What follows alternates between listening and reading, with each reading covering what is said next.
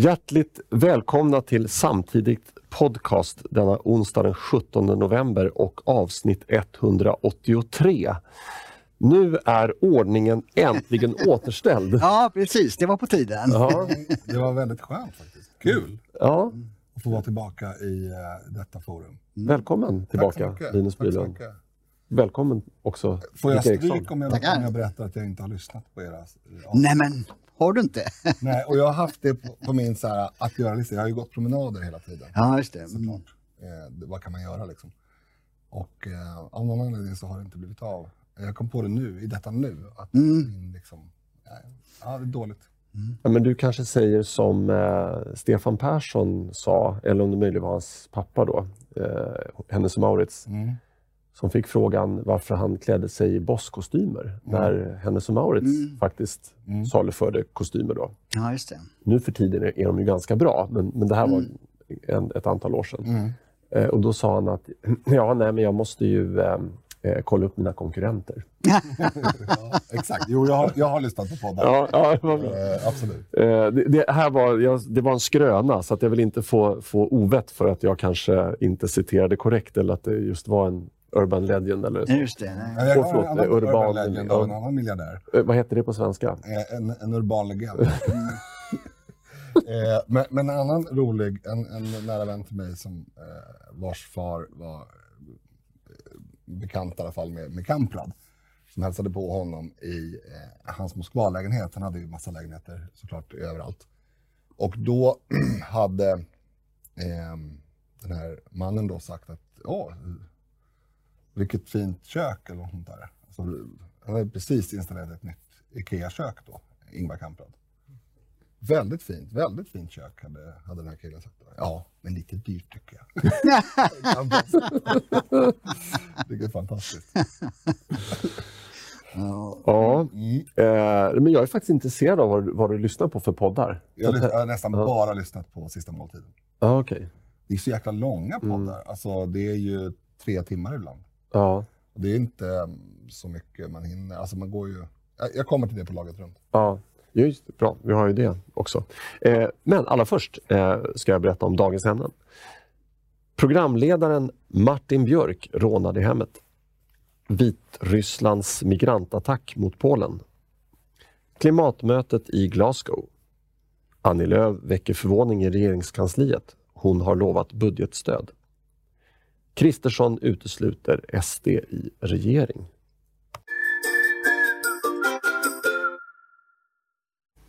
Som sagt, laget runt. Men Linus, du får hålla dig till tåls därför att vi brukar börja med Dick. Och varför bryta en, ett vinnande koncept? Precis, tradition. Ja, jag brukar vara kortast ju.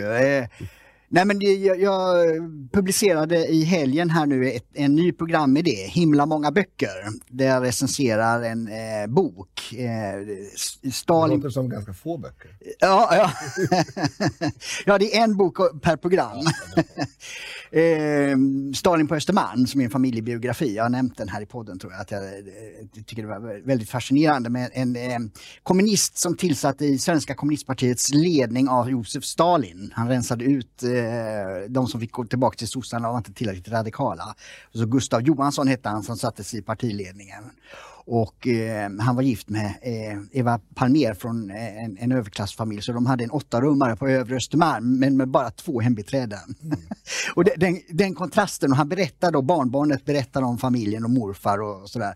Den, den, kontrasterna där, för morfar träffar då Wyszynski som var alltså eh, riksåklagare i de här skenrättegångarna på 30, Stalins, eh, i Stalin, av, utförda av Stalin på 30-talet då. Och sen kunde min snälla morfar äta middag med en sån liksom, Mm massmördare. Det, det, de kontrasterna är, och det är en bit av Sveriges eh, tidiga historia, eh, 1900-talet, början, eh, första halvan av 1900-talet. Så det, eh, det gjorde jag en, en eh, monolog om i, i eh, Riks, så den vill jag uppmana att titta. För att om vi ska fortsätta så, så måste jag eh, få eh, visningar. Det, är- det är ju väldigt tryck på att... Det finns en pilot ute. Ja, den ligger ute på Riks, eh, Youtube, Riks, eh, Rikskanalen där, som heter just också Stalin på Östermalm. Så att om man vill ha lite kultur, eh, recens recensioner och sådär och att vi ska fortsätta med det, då måste jag, jag få titta till de här programmen. Mm, mm. Det, det kan vara ganska smal ändå. Ja, det är ju det. Va? Men jag det, det, är, det är ett smalt område, men jag, jag ska försöka ha lite olika typer, så mycket skönlitteratur kanske det inte blir, men, men liksom lite olika böcker som ger inblickar i, i ämnen som ändå har någon typ av samhällskoppling. Eh, och, och, jag tycker det, jag vill ju ha breddning, att man inte bara kör dagsnyheter som handlar om brott och eh, ja, vad det nu är för någonting, va? utan att man har lite mer mm. eftertanke och så. Men, men det, det, står hela tiden mot det här behovet av att eh, få upp trafiken. Ja. Mm. Får, får, får jag sväva ut där? Ja, visst. Ja, det får jag göra för jag är programledare. Ja. Nej, men, eh, jag kom faktiskt osökt att tänka på Rebe Rebecka Weidmo mm. För att hon startade det här Radio Kamrat. Eh, du känner ju eh, henne och Marcus privat, vet jag. Mer än så vet jag inte. Nej, det är lagom. Lite no basis. Eh, och eh, det, hon beklagade sig ju efter ett tag eh, att hon hade för få lyssnare. Mm. Och det, handlar också om kommunismen. Ja, ja. Mm. och det, ja, det, det, är ju, det är ju väldigt tragiskt att det inte finns ett intresse för att gräva ner djupare. men ja, jag tror att man Ja, jag vet inte. Man, man, måste väl vara väldigt, väldigt ihärdig och, och det är väl... Eh, så här, jag, jag, tror att du ska sänka förväntningarna. Jo, men jag, jag har, jo, det har jag sagt ja. till de andra, att man kan inte räkna med en, en stor publik eh, till början med, när det finns lite tuggmotstånd, att man, man måste faktiskt mm. lyssna, det är inte bara underhållning. Men det, det, är inte, det, det är också, men, man måste värdera varje minut mm. högre när mm. det är mm. seriöst än när det inte är seriöst. Mm. Alltså ju mer åt seriösa hållet man kliver ja. i en produktion, desto mer är varje tittad snedstreck lyssnad minut Exakt, värd. precis. Men det är inte riktigt så det är, utan det är, siffrorna är så tydliga. Mm. Liksom att, att det blir dubbelt så mycket på ett, en, mm. en rant av, av, av någon av programledarna så att säga. Eh, och, och det behövs inte så mycket eh, förberedelse utan en, en bra genomarbetad text så att säga som man kör. Medan eh, det här bok, att då måste man läsa boken, resonera kring det, göra utvikningar och så. Och det, det, det, är lite tragiskt tycker jag att det, att det är färre som gillar sånt. Mm. Men drar man till sin spets så kan man ju då jämföra ett ett klipp på TikTok med en dokumentär och säga mm. att det här klippet är mycket mer värt. Men det är mm. det ju inte. Dokumentären Nej. är ju antagligen mycket mer värd. Precis, men det är det. Kvali mm. och det är det som är jobbigt med nätet tycker jag, och den här vår digitaliserade tid. Det är kvantitet. Mm. Det är bara kvantitet som mätas. Kvalitet är skitsamma. Mm. Mm. Jo, det, det, är tragiskt tycker jag. Ja, men jag tycker vår podd ändå är en, en del i den diskussionen också. Mm. För vi har ju med andra också, inte bara internt utan mm. med de som ändå håller oss om ryggen och sådär, mm. haft den här diskussionen ganska mycket. Mm. Men alltså 10 000 lyssningar på vår podd, det är någon som, det är 10 000 personer som sitter ja. och lyssnar i en och en halv, två ibland, mm. timmar. Ja. Det går inte att jämföra med om vi skulle säga några snabba ord in i, i, kameran och skicka ut det. För då kommer jättemånga se det. För mm. man har tid att se ja. Man har tid att se ett två minuters klipp eller ett en minuters klipp. Men mm. alla har inte tid att, att, lyssna på en hel podd. Så man måste liksom väga alla de där grejerna mot varandra. Det är, det är inte bara hårda siffror som får styra, tycker jag. Nej, det borde inte vara så. Nej. Så vi får se hur det hur det går. Ja, nej, men precis. Jag, jag tror också man, man, eh, man måste göra saker och ting för, för sin egen skull. Så, att, så, att, så, så, länge du eh, tycker att det är kul mm. så, så tycker jag att... Eh, jag, jag hade ju en podd tillsammans med Roger Salström förut. Mm. Vi, hade, vi hade typ 150 lyssnare per. Mm. Men vi gjorde det för att det var kul och för att träna. Men det gjorde vi också i början eller det gör vi väl fortfarande? Ja, men vi hade rätt bra från början faktiskt. För vi tog in eh, prominenta gäster. Ja, just det. Vi, eh, det var så att vi, vi fick en, en uh, Jo, men i jämförelse med, med blåslampan, ja. Mm. Men i jämförelse med många andra poddar, nej. Mm. Nej, det, det är för sig mm. sant. Men, äh, Nej, precis. Ja, så vill man ha lite bokrecensioner och, och, och sånt, då finns det på Riks. Vill du ha ett tips på en bok? Ja, gärna. Nu blir det konstigt här kommer jag på. Men, men det finns en bok, för, för lyssnare och tittare poängtera att jag tror att Eriks eh, inflikning om kommunism inte var riktigt eh, plausibel eftersom det här är ju det är inte bara kommunistböcker. Nej, nej, det, Nej. det blir... Det, det, det, var, det, var, det var därför jag kom att tänka på henne och så kom jag att tänka på... Och sen tänkte jag nämna några namn om hennes kandidatur också eh, till Moderaterna. Eh, men det hade blivit... Nej, men henne, hon har ju dragit tillbaka Uvell, ja. Mm. ja. Eh, men det hade blivit en för stor utsvävning. Ja, hur som helst så finns det en bok på det temat. Om vi låtsades att, att Eriks reflektion var 100% eh, applicerbar på, på det här så finns Mm. det en bok som heter Nafta syndikat. Har du läst den? Nej, jag har eh, läst recensioner om den. Ja. Mm. Eh, Du kan få låna, jag har faktiskt ett signerat ex för jag var på släppet. Det är Fredrik Malm, det. Liberalerna, Mm. som har skrivit den boken. Den är en väldigt intressant historia om inte annat. Just det, den knyter an till det här kommunisternas Ja. eh, intresse för Sverige. Verkligen. Och Mm. jag har också en koppling till det. Det kan vi diskutera Precis. ett annat tillfälle. Men det här himla många, himla många böcker, det, det är ju tänkt att, att ha lite olika. Jag funderar på om jag skulle ta den här eh, Den eh, osannolike mördaren, Mm. boken och eh, referera eh, skillnader till dramat som väl många har sett nu. har, ni, har ni båda sett Ja, dramat? ja, Jag har mm. inte sett klart. Sett? Mm, nej. Mm. Vi, vi kan diskutera den när vi alla har sett klart den kanske. Ja, just det. Den är väldigt intressant. Ja, nej, men jag tycker den, precis. Eh, så ta boken eh, och så sen så finns det även managementböcker, vilket ju då låter fruktansvärt tråkigt, men som sågar värd, eh, det här värdegrund. Mm. Som tittar på hur det används i lite olika organisationer och fullständigt såga. Och sånt tycker jag är jättekul. Ja. Mm.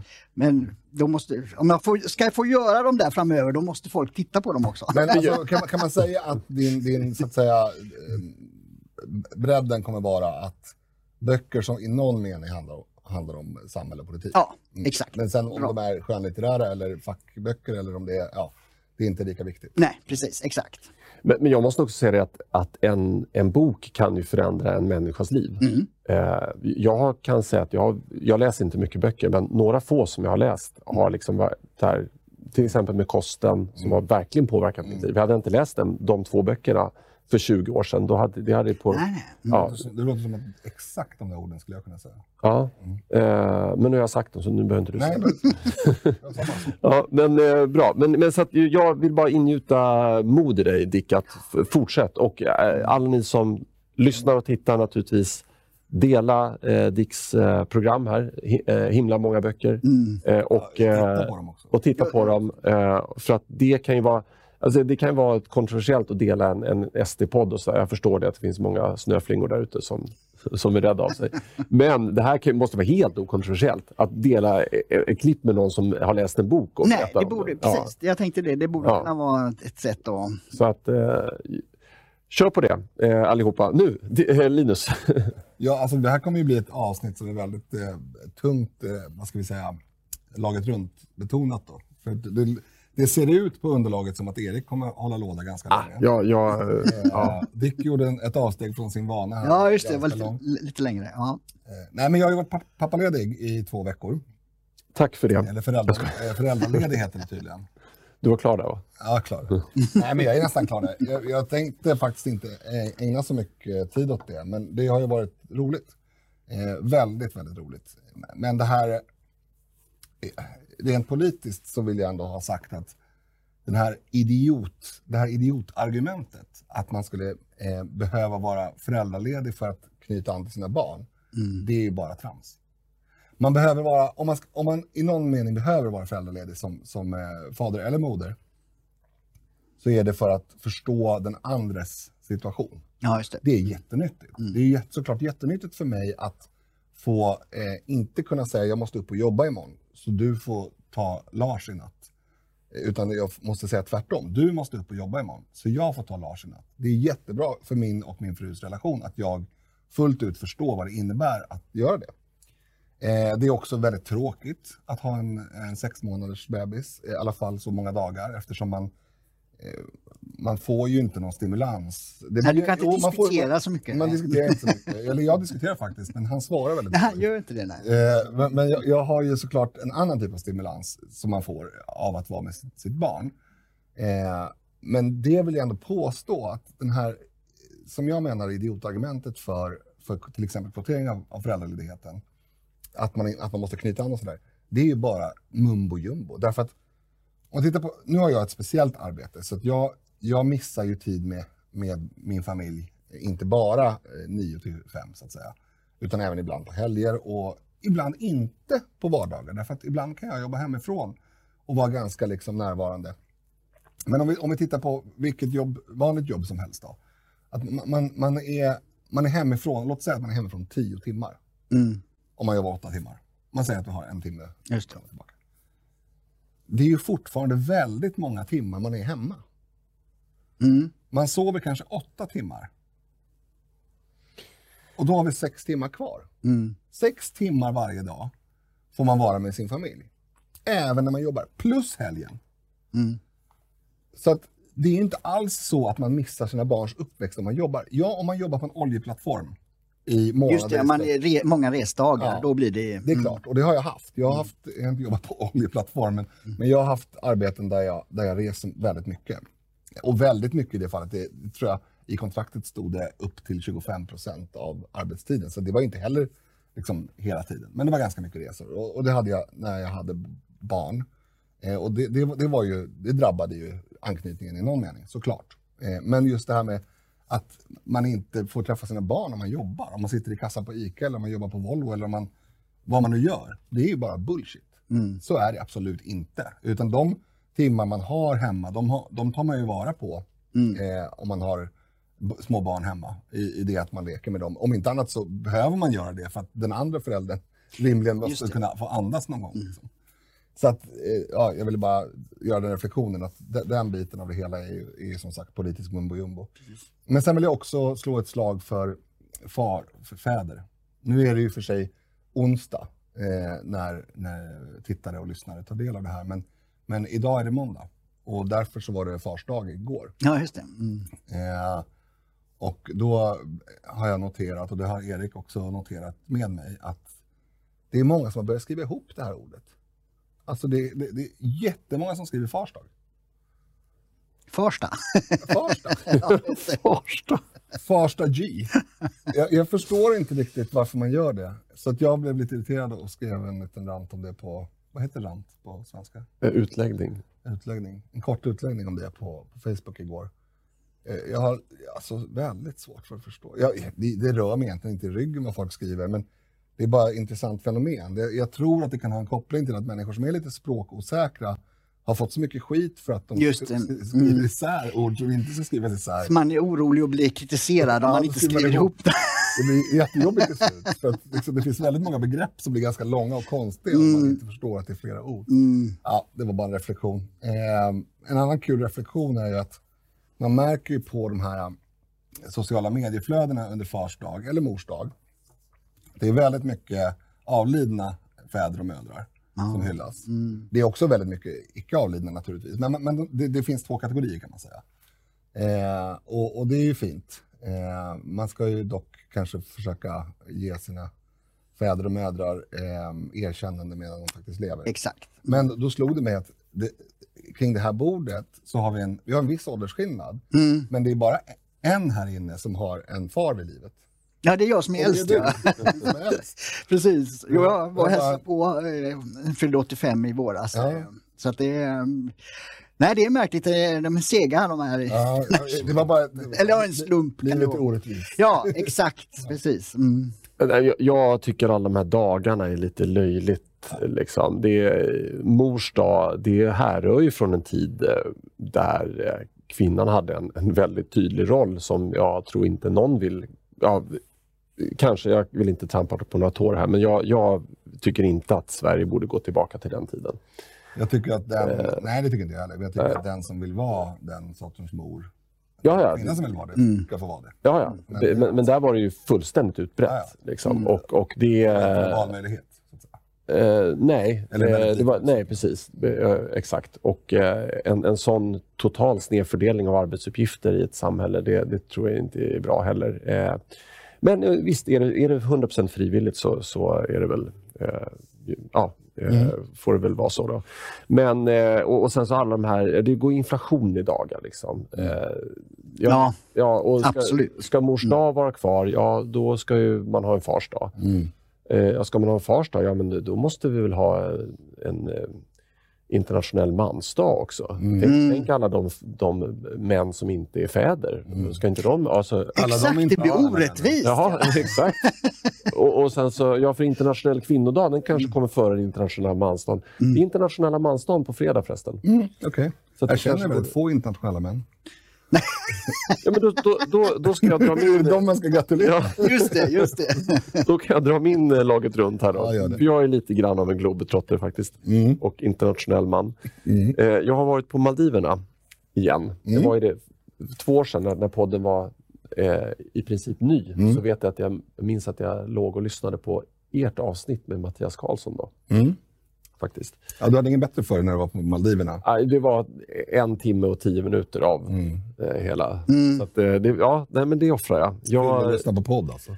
jo, men eh, jag, Nej, jag jag gillar den här podden, så jag lyssnar ju på den. När, Mm. Jag gör faktiskt också det i vanliga fall. Mm. Ibland.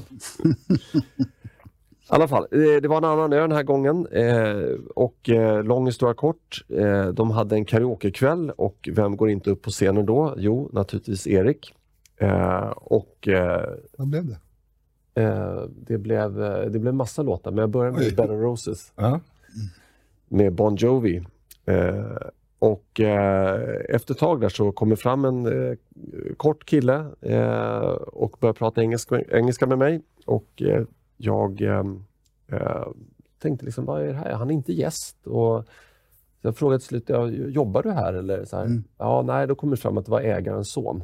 Ja, ja. Så att de hade, ja det var ett miljardimperium liksom. Mm. Eh, men, eh, men vi hade väldigt kul där under eh, ett antal dagar och kvällar och så.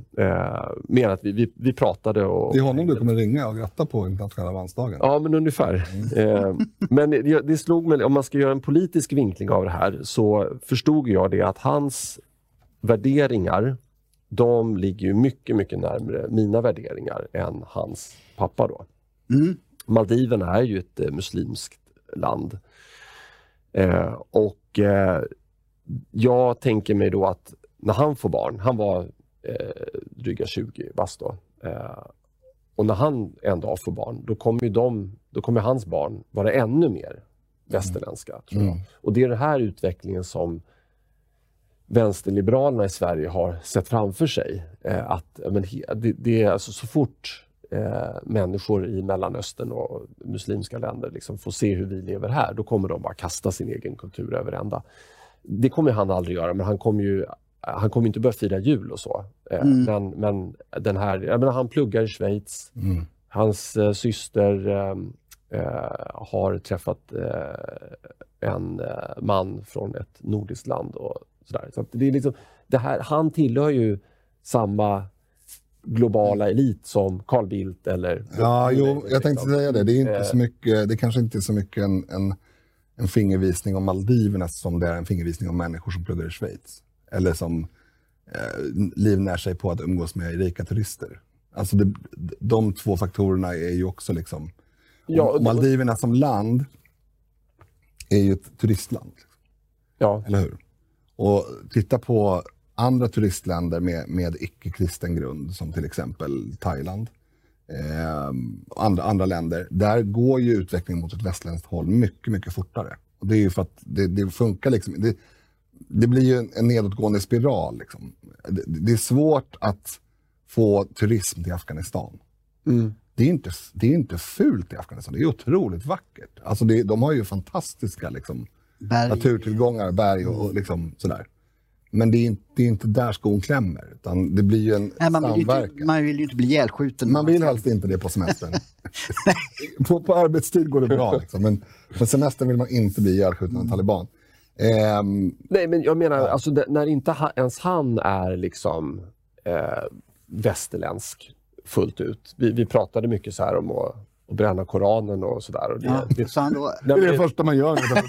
Du, eh, bränna koranen! Du, och jag har en bok här, om jag tuttar på den, är det okej eller? Ja. Nej, men, men det, det var ju... eh, Alltså jag, jag, jag menar på det, är man, är man sekulär kristen då kan man ju bränna en bibel. Mm. Ja, eller, nej, ja, det behöver man inte kunna göra, men man, man har inget problem med att någon annan gör det. Nej, nej, ja, som- eh, precis. Ja. Nej, men, men det, det var ju liksom, nej, nej, det var ju big no-no för honom såklart. Eh, Stort nej, nej. Men var det, var det ett Eh. stort nej, nej eh, att du tyckte att det var okej att man fick bränna Koranen? Eller Nej. nej. nej, nej, att typ han själv skulle göra det? För det Nej, men en, han, eh, nej, men alltså, nej jag, eh, jag sa ju själv att jag, det är ingenting som jag har några planer på att göra. det är inget, det är inte en hobby för dig. Nej, nej precis. Eh, men det var inte så att han... Nej, nej men han, han respekterade mina åsikter om, om både det ena och det andra. Och, Mm. och, men han har ju stött på det i Schweiz Ja, såklart. ja. Det var ju inte någon chock för honom. Liksom, med, med, man tycker att kvinnor ska få arbeta. Nej, just det. Precis. Ja, men det, så, så långt har de kommit i Maldiven också. Men eh, alltså, min, min poäng här var lite grann att jag tror att det är den här typen av personer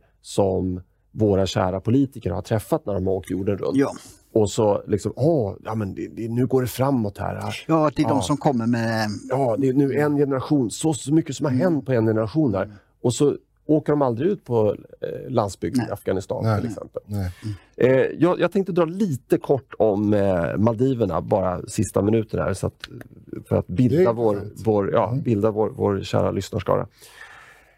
Eh, deras demokratiska system då. Eh, deras parlament heter Majlis. Henne känner ju. Ja, fast då på Wikipedia har stavat med litet m faktiskt. Så att, Okej. eh, det, det måste vara någon, eh, någon annan Majlis. Det kanske, ja, det är kanske någon, hon, hon vill inte göra så mycket väsen. Ja, precis. Lite ödmjuk Maj-Lis. Ja.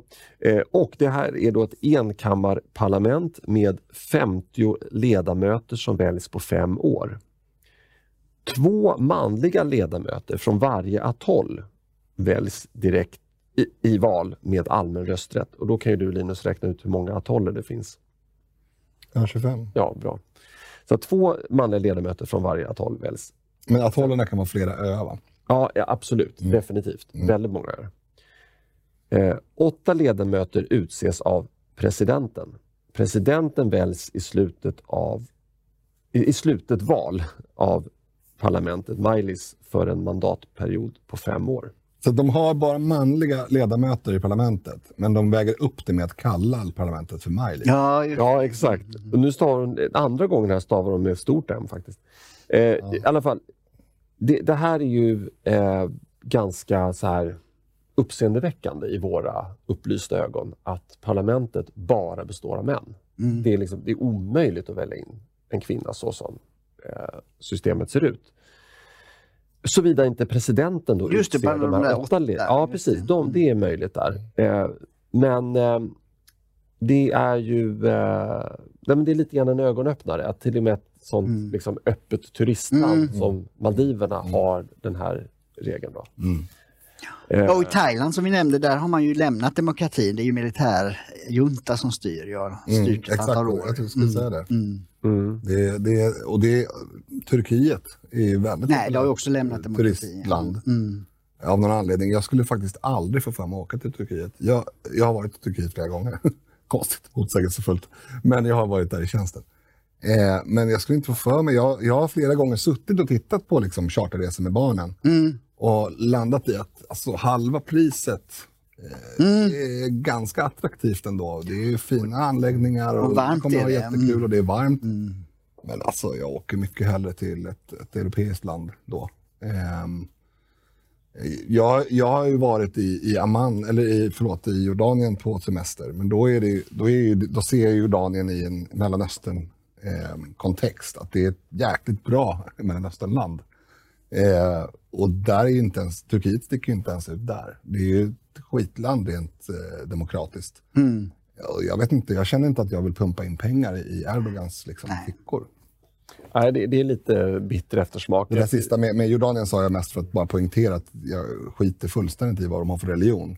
Snarare så tycker jag att det är intressant med andra religioner. Det, det är ju en del med att man vill resa. Faktiskt. Men, men eh, just styrelseskicket och att man faktiskt göder en turistindustri som i sin tur göder en, en semidespot eller despot, det känner jag lite obehagligt. Sen kan jag tycka så här att om nu hela befolkningen i Maldiverna har det bra, de eh, bryr sig om miljön Mm. och så vidare, då, då kan jag, då kan jag liksom leva med att Ja, nej, men absolut. som styr. Absolut, det var därför jag tog Turkiet Ja. som ett exempel. Därför att där är det inte så. Eh, där är det inte så att hela befolkningen har det bra. Det finns en väldigt stor eh, kurdisk diaspora som inte har det bra. Till exempel. Och som förvägras eh, rättigheter som jag som nationalist tycker är universella och borde gälla. Liksom. Nu är det hög tid att gå vidare.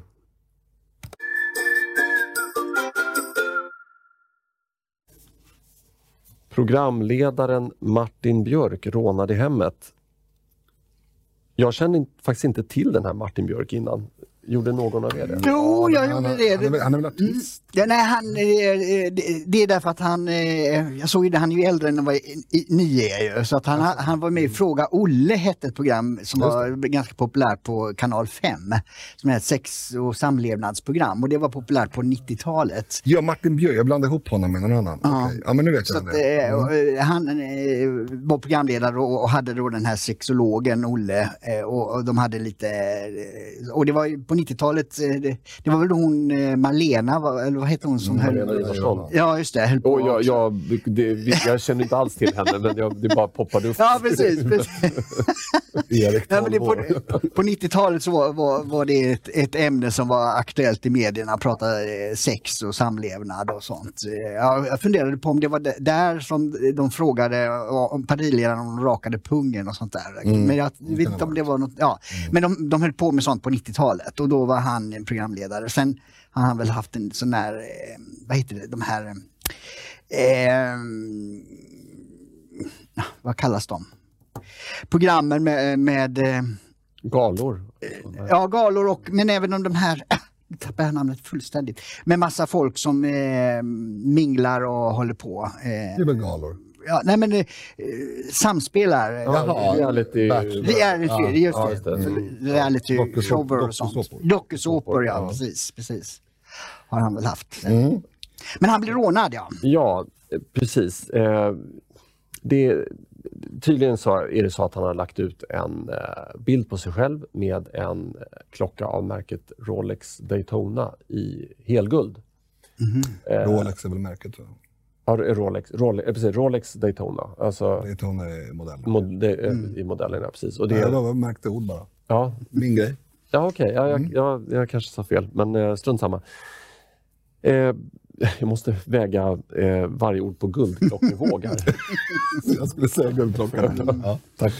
eh, I alla fall, eh, och, och den här eh, betingar ett pris beroende på liksom, olika utgåvor och alla möjliga varianter på eh, åtminstone ett par hundratusen. Eh, upp till till och med över miljonen.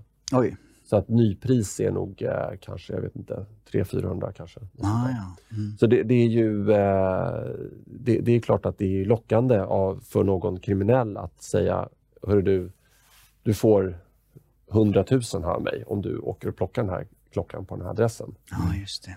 Eh, jag tror inte att den här klockan kommer ut på marknaden, utan jag tror att det är Beställning. ja, Mm. beställning.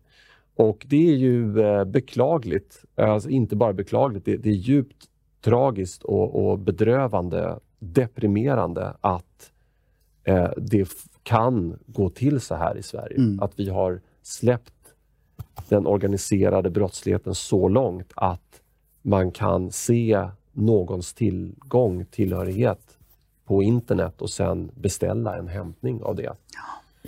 Ja, det liknar ju det, det vi förr pratade om u-länder. Ja, Alltså fullständigt eh, havererade samhällen som inte har någon ordning. Sverige går i den riktningen. Mm. Det är absolut ett jätteproblem och, och det, är ju, det är väl den största, vid sidan om migrationen som ju är såklart en del av det här, men, men vid sidan om det så är ju den organiserade brottsligheten dess råhet och det spiller ju över i sådana här eh, rån. Även om just det här rånet i teorin kanske inte var en organiserad liga som gjorde så, så är det ändå samma typ av liksom, våldskapital Ja, förlåt, som det- ligger till grund för det. Det är bara spekulation Ja, jag vet, från jag min sida. Men Ja. jag ville, Men hur hade har de brutit sig? Var det inbrott eller var det rån? rån står det ju. Ja, de hade på något sätt kommit Ringt in. på och hotat då. Mm. Ja, Och sagt att de ska ha klockan med sig. Ja.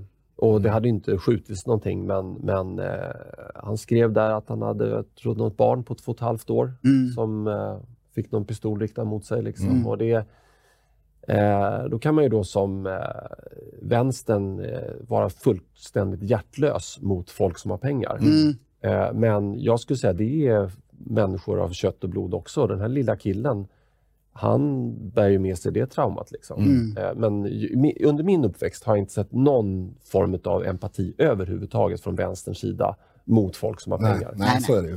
Men däremot så finns det ju, det finns ju invändningar att göra som ändå är relevanta, som är, kanske låter lite vänster. Det är ju ett sätt, alltså, varför posera med extremt dyra saker på, på, i sitt hem?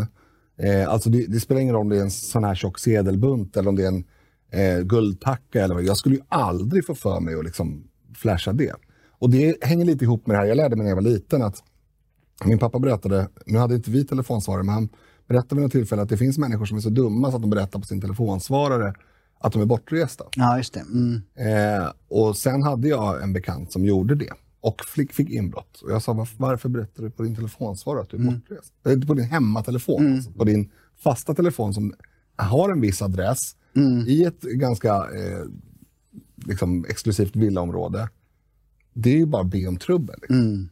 Eh, men ja, Men, men det ska inte behöva vara så. jag menar bara att, eh, nej, exakt. I, i, I den ideala världen så skulle, ju, skulle man ju kunna, det finns ju något som kallas för, eh, är det Haparanda-låset? När man ställer en kvast framför sin dörr. Mm. Då är man inte hemma och då är ingen välkommen. Och det funkar jättebra. Eh, det är ju en ideal, liksom. så, så ska det funka. Jo, men när jag var liten uppe i norr och hälsade på morföräldrar i Norrland, Mm. man låste inte cyklar och dörrar och sånt. Det Där. var inte långt till Haparanda därifrån. Nej, exakt. Nej, och, och jag måste, Eller ja, det är långt var det. Men, men inte med norrländska mått. Nej. Nej.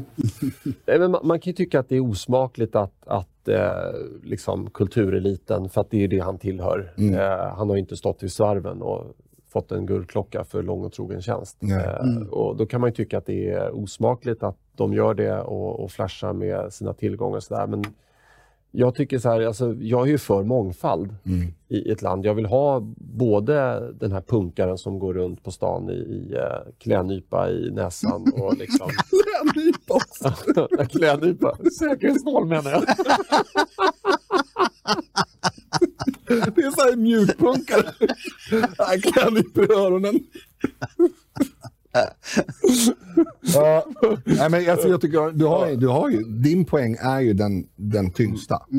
Jag, jag tycker verkligen det. Och jag vill bara säga att det som jag sa om att så här gör man det, det är mer så här konsumentupplysning. Håll inte på att flasha med dyra grejer om ni inte vill bli rånade. Nej. Men det är ju, det är ju dagens ingenting Sverige som... 2021. Nej, men det behöver man kanske aldrig göra. Nej, till och med Sverige 2000. Eh, Ja, men jag kan tänka mig om du gjorde det här, om, om Instagram hade funnits på 90-talet eller på 80-talet, då hade det här kunnat leda till åtminstone ett inbrott. Det, det finns ju ohederliga människor som, som eh, får för sig att begå brott, eh, alldeles oavsett i vilka, vilken kulturell Jo, kontext du har.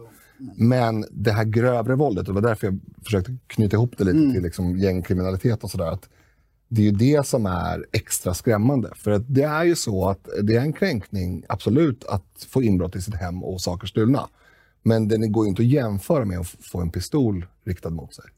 Det är ju två helt olika Ja, brott. det är riktigt. Precis. Och, och bara om jag får vara fruktansvärt cynisk. Men, men den, den tanken, vi är så illa ute tycker jag, att, att den tanken slår mig att på ett sätt är det bra om, om de i media kretsar och etablissemangskretsar också får känna av kriminaliteten. Mm. Så att de inte lever i sin jävla bubbla och säger att Nej, men allting är i ordning och det är överdrivet Mm. och bla bla bla. bla. Utan att de också får känna på det. det Nu vet jag inte om just han har begått särskilt mycket PK-brott. Nej, han är nog inte politisk. Men det spelar ingen men roll, han tillhör liksom de här säger. kretsarna Ja, va, som, är, där. Ja. som är, brukar vara väldigt, ja P3 helt enkelt. Ja, bra sammanfattning. Vi kan sluta med PK och säga P3. ja, just det.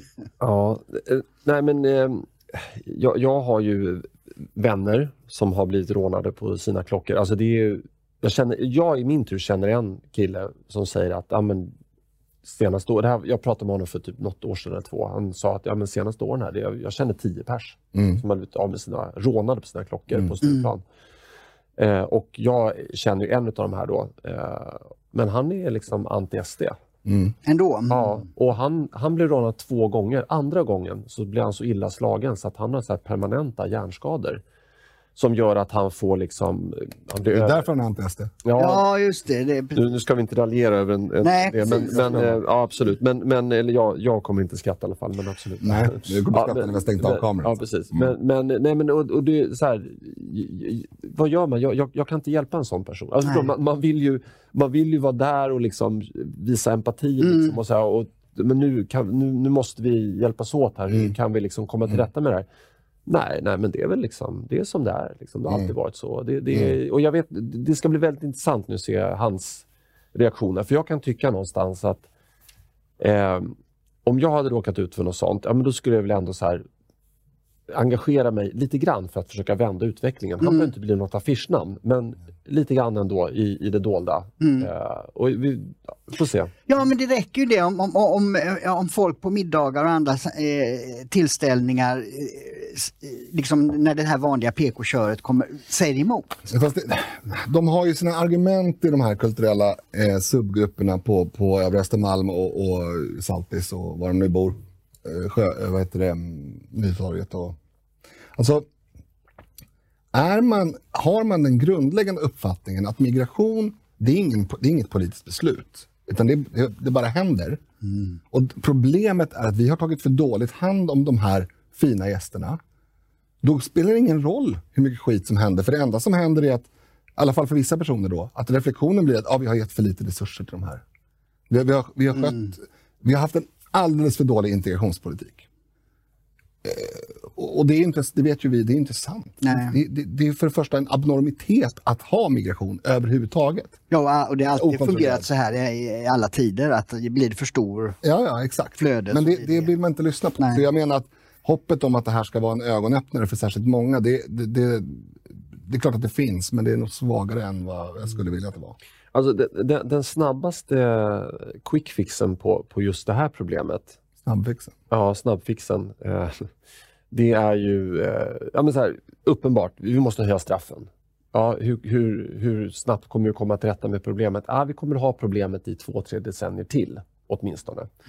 Eh, noll koll på vilka som befinner sig i Sverige. Det vill säga att Eh, det här kan ju varit en, en öststatsliga eller något Ja, sånt. Eh, och och eh, dessutom så, eller ha, om det inte var det utan det var någon som liksom är hemmahörande i Sverige på ett eller annat sätt. Då har vi fortfarande noll koll på dem. Liksom. Och, det- och det, det, det säger ju alla, när, när man plockar bort en från gatan så kommer det tio till. Så att det, det, det Alltså det här skulle ju kunna vara hans granne från Småland som har begått också. Vi Ja, vet ju inte. Nej, men, men, men, men, vi har ju kriminella element i Sverige som inte hör hemma här. Så att de som inte har medborgarskap och, och ägnar sig åt kriminalitet, de ska ju bara ut direkt. Ja. Och, men det, det, kommer ju ta, det kommer också ta lång tid liksom, att, att komma åt brottslighet på det sättet. Men varför ska vem som helst kunna gå in och titta var vem annan som helst är folkbokförd? Mm.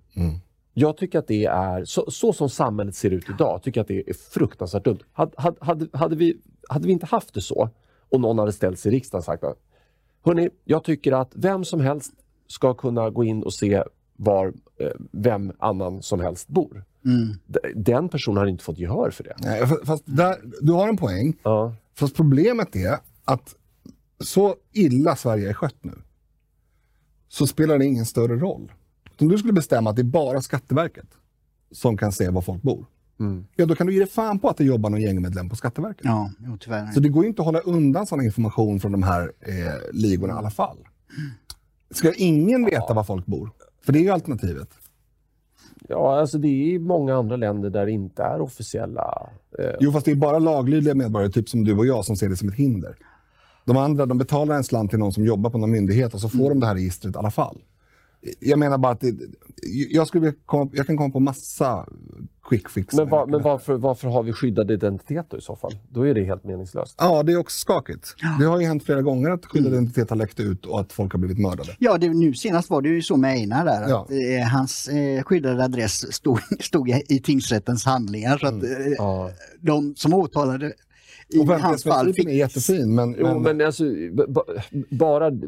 Ni, ni motiverar ju egentligen... Eh, eh, ni argumenterar emot mig med, med argumentet att det finns eh, en mänsklig faktor som... Eh, men det finns infiltration av myndigheter. ja, det här, Tingsrätten var ju mänskliga faktorn. Ja, där var det misstag. Ja, Mm. eh, och, och så. så att, ja, jag, vi får ta upp det här i en djupare diskussion. Ja, jag tror det, jag tror det. Men jag vill bara jag säga- står nog på mig där. Förutom alla, liksom, alltså, tittar man på Sverigedemokraternas förslag mot organiserad brottslighet, eller brottslighet överhuvudtaget, så det är en diger lista. Det var, ju, det var ju i princip alla som stämde överens med de här polisernas krav. De här polisernas krav Eh, ni, ni kommer ihåg den Just det, namninsamlingen? Det var i 3000 princip alla deras förslag som antingen var direkt sådant som vi driver eller så pass nära att man kan säga att det är samma sak. Var det 3000 som hade skrivit på? Utav... Ja, det var ännu fler till slut tror jag. Det var det. Mm. Eh, det var, det var uppåt fem.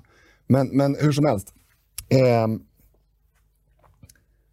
jag vill lägga till alla de förslagen som jag hoppas att alla har koll på. Nej, men jag, orkar, jag kan inte sitta och rabbla. Nej, Liksom. nej. Det, det, det är ju det är uppenbara saker som att man ska, man ska sitta i fängelse om man begår brott och man ska sitta länge.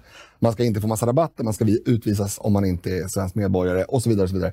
Men en annan sak som vi inte har pr- pratat om så mycket som jag i, i den här brottskontexten ändå tycker är ganska relevant, det är ju brottsprovokation. Det, det förstår jag inte alls varför man inte får syssla med, utan det borde vara en stor del av polisens arbete. Fast nu gled du utanför ämnet. Det. Nej, men jag menar bara, du pratade om det här med att bli av med klockor på Stureplan. Ja, ja, jo, Det ska inte absolut. vara Ja. möjligt att gå omkring på Stureplan och råna folk. Ja, Just det. För rätt vad det är så står det en snut där. Och då är det Ja, just det, en snut med en sån klocka. Ja, Ja, ja, ja, du menar så. Mm. Okej, då fattar jag. Jo, absolut. Nej, men det var... eh, Det, det, Det ja, gäller att höja risken för att åka dit och åka dit ordentligt. Höjer man risken att åka dit samtidigt som man höjer risken, eller rättare sagt straffet för det, då kommer en viss typ av brottslighet försvinna. Men, och, och dessutom, jag menar, säg att eh, man inför då en, eh, ett, ett slutet folkbokföringsregister. Tycker du att jag var utanför ämnet? Ja, nej, men, ja, ja, nu gick jag tillbaka till det vi pratade om innan du gled ut. Martin Björk. Fast, ja, precis. Eh, men, men då, och, och den här Skatteverks... Eh, alltså på tal om Korruption. ja, korruption och, och få bort liksom, kriminella element. Ja, men då är den personen på Skatteverket kriminell. Ja. Mm. Och då får man ändå bort den. Idag går ju den personen under radarn helt och hållet. Men i ett, i ett läge där de kan läcka hemliga folkbokföringsuppgifter, Mm. ja, det kanske kommer fram och då kan man liksom... Det räcker med att det läcker var tionde år för att det ska vara ganska relevant. Folk flyttar inte så jättemycket. Liksom. Nej. Ah, skitsamma. Ja, du- får också tänka på att om vi ska ha ett system med skyddad identitet så är det mycket, mycket lättare att hålla koll på om det är några hundra individer eller några tusen individer än om det är alla människor. Eh, vi byter ämne där.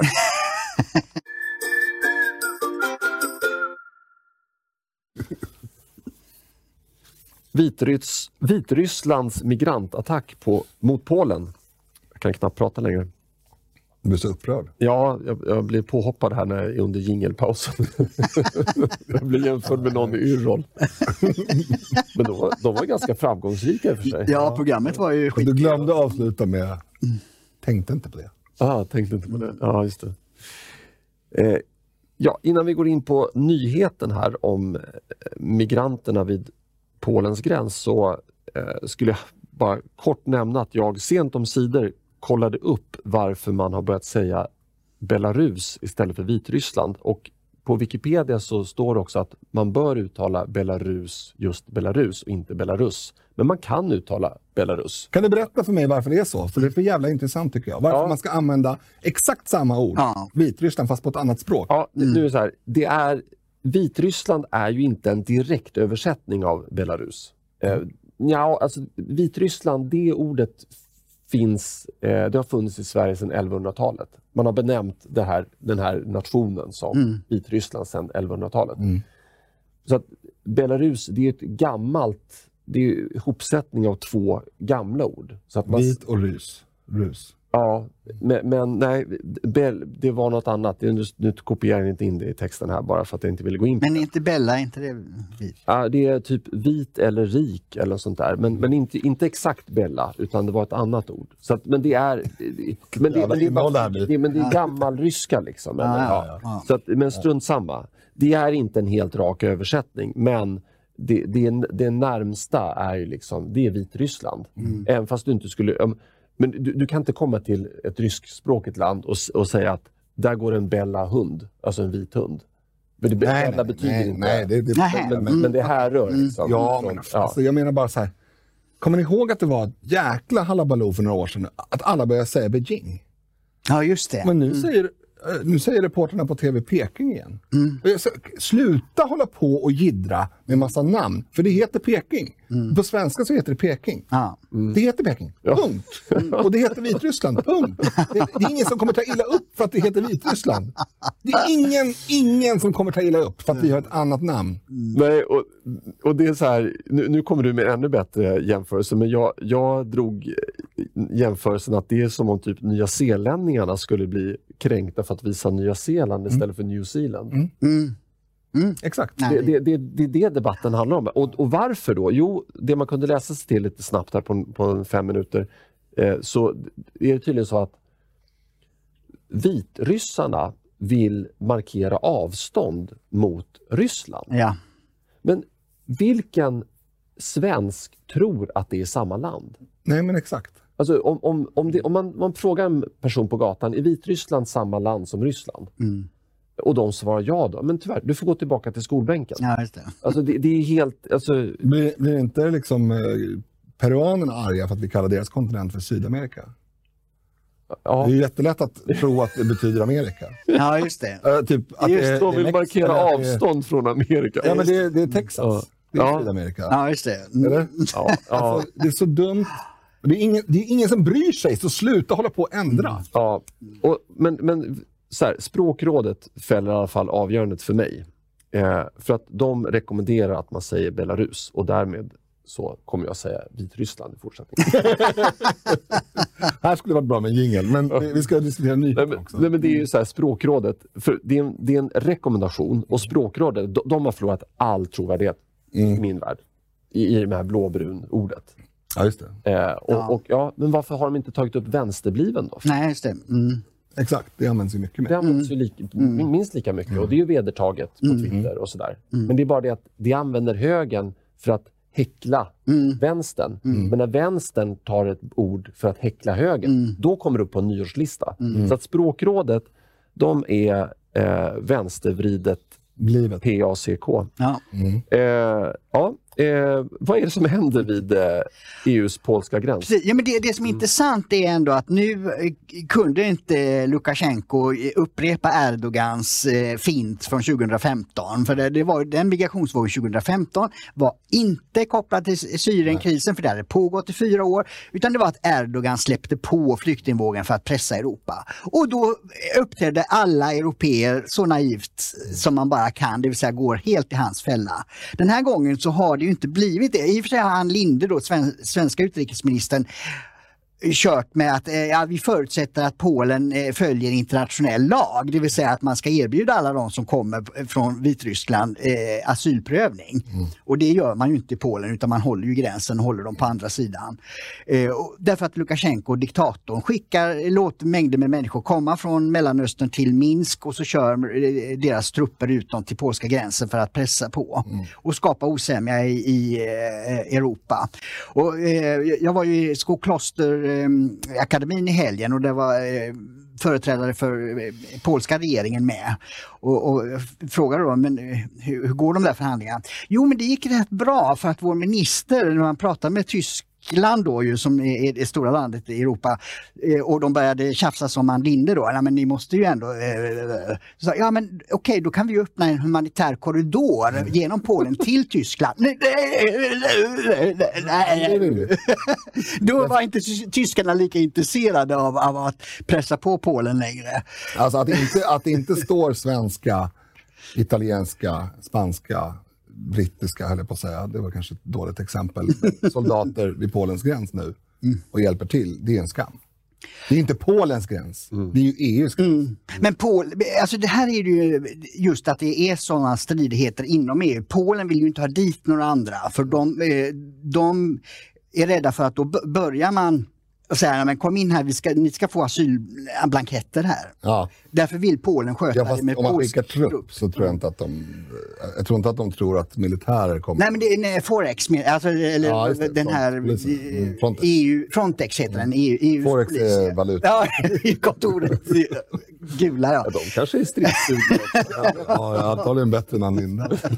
Precis. Nej, så därför har ju inte Polen velat ha eh, Frontex eh, byråkrater Nej. i, i Polen. Nej, men jag tänker mer som en solidaritetshandling. Ja, alltså, om det hade varit på riktigt då hade, borde ju hela eh, EU ställa upp på att försvara Ja, som- EUs som- yttre gräns. Polen skickade ju brandbilar Mm, när vi hade det, problem exakt. med bränder. Mm. Nu har de problem med vitryssar. Ja. Eller det är inte vitryssar. Nej, men, ja. utan, så att, men det, det tycker jag ändå, är om man ska vara, ha en liten positiv ton, tycker jag det, det är att, att Europa har inte eh, mangrant fallit för eh, diktaturers cyniska spel. Mm. Eh, så att den principiella skillnaden mellan de migranter som står vid, alltså den juridiska principiella skillnaden mellan de som står vid Polens gräns nu eh, och de ensamkommande afghaner som kom 2014-2015, den är i princip noll. Ja. Mm. Och det, det är ju väldigt... Eh, eh, Och ingen, ingen av dem har ju varit flyktingar. nej. Nej, Och det, det har ju varit en Exakt. jättedebackel nu. Östnujen var ute och just det. blev jättekränkt över att folk sa migranter och migranter. Mm. Mm. Men de är ju migranter. Mm. Så att det är jättebra att använda ordet migrant. Ja, precis. De kan, de kan vara flyktingar när de, om de lämnar ett eh, område där de är förföljda. Men så fort de kommer till ett område där de inte förföljs och de flyttar sig därifrån, då är de migranter. Mm. Det, det är lite såklart Schrödingers migrant det här. Om man inte prövar asylen så vet man ju inte om de är flyktingar. Men, mm. men vi ser ju från tidigare vågor att det, här inte, det har inte varit flyktingar. Alltså det finns en anledning till att, eh, till att det här eh, gymnasieamnestin, och afghanamnestin och alla amnestier var tvungna att komma till. Det var för att de inte var flyktingar. Exakt. Och det här skapar ju också eh, eh, en humanitär elände för flera av de här då vid Belarus gräns nu har ju betalat stora pengar för att de har trott att det skulle vara fri lejd in eftersom alla de här jävla undantagen finns bland korkade europeiska Men alltså politiker. Sverige har ju, giv- och så- andra europeiska länder Ja. har ju betalat lösensumma till utpressare. Mm, det, är dessutom, det, är egentligen, precis. ja, men det är ju det man kan säga. Ja. Alltså, nå- någon hotar dig med någonting och säger ja, ja absolut, vi kör.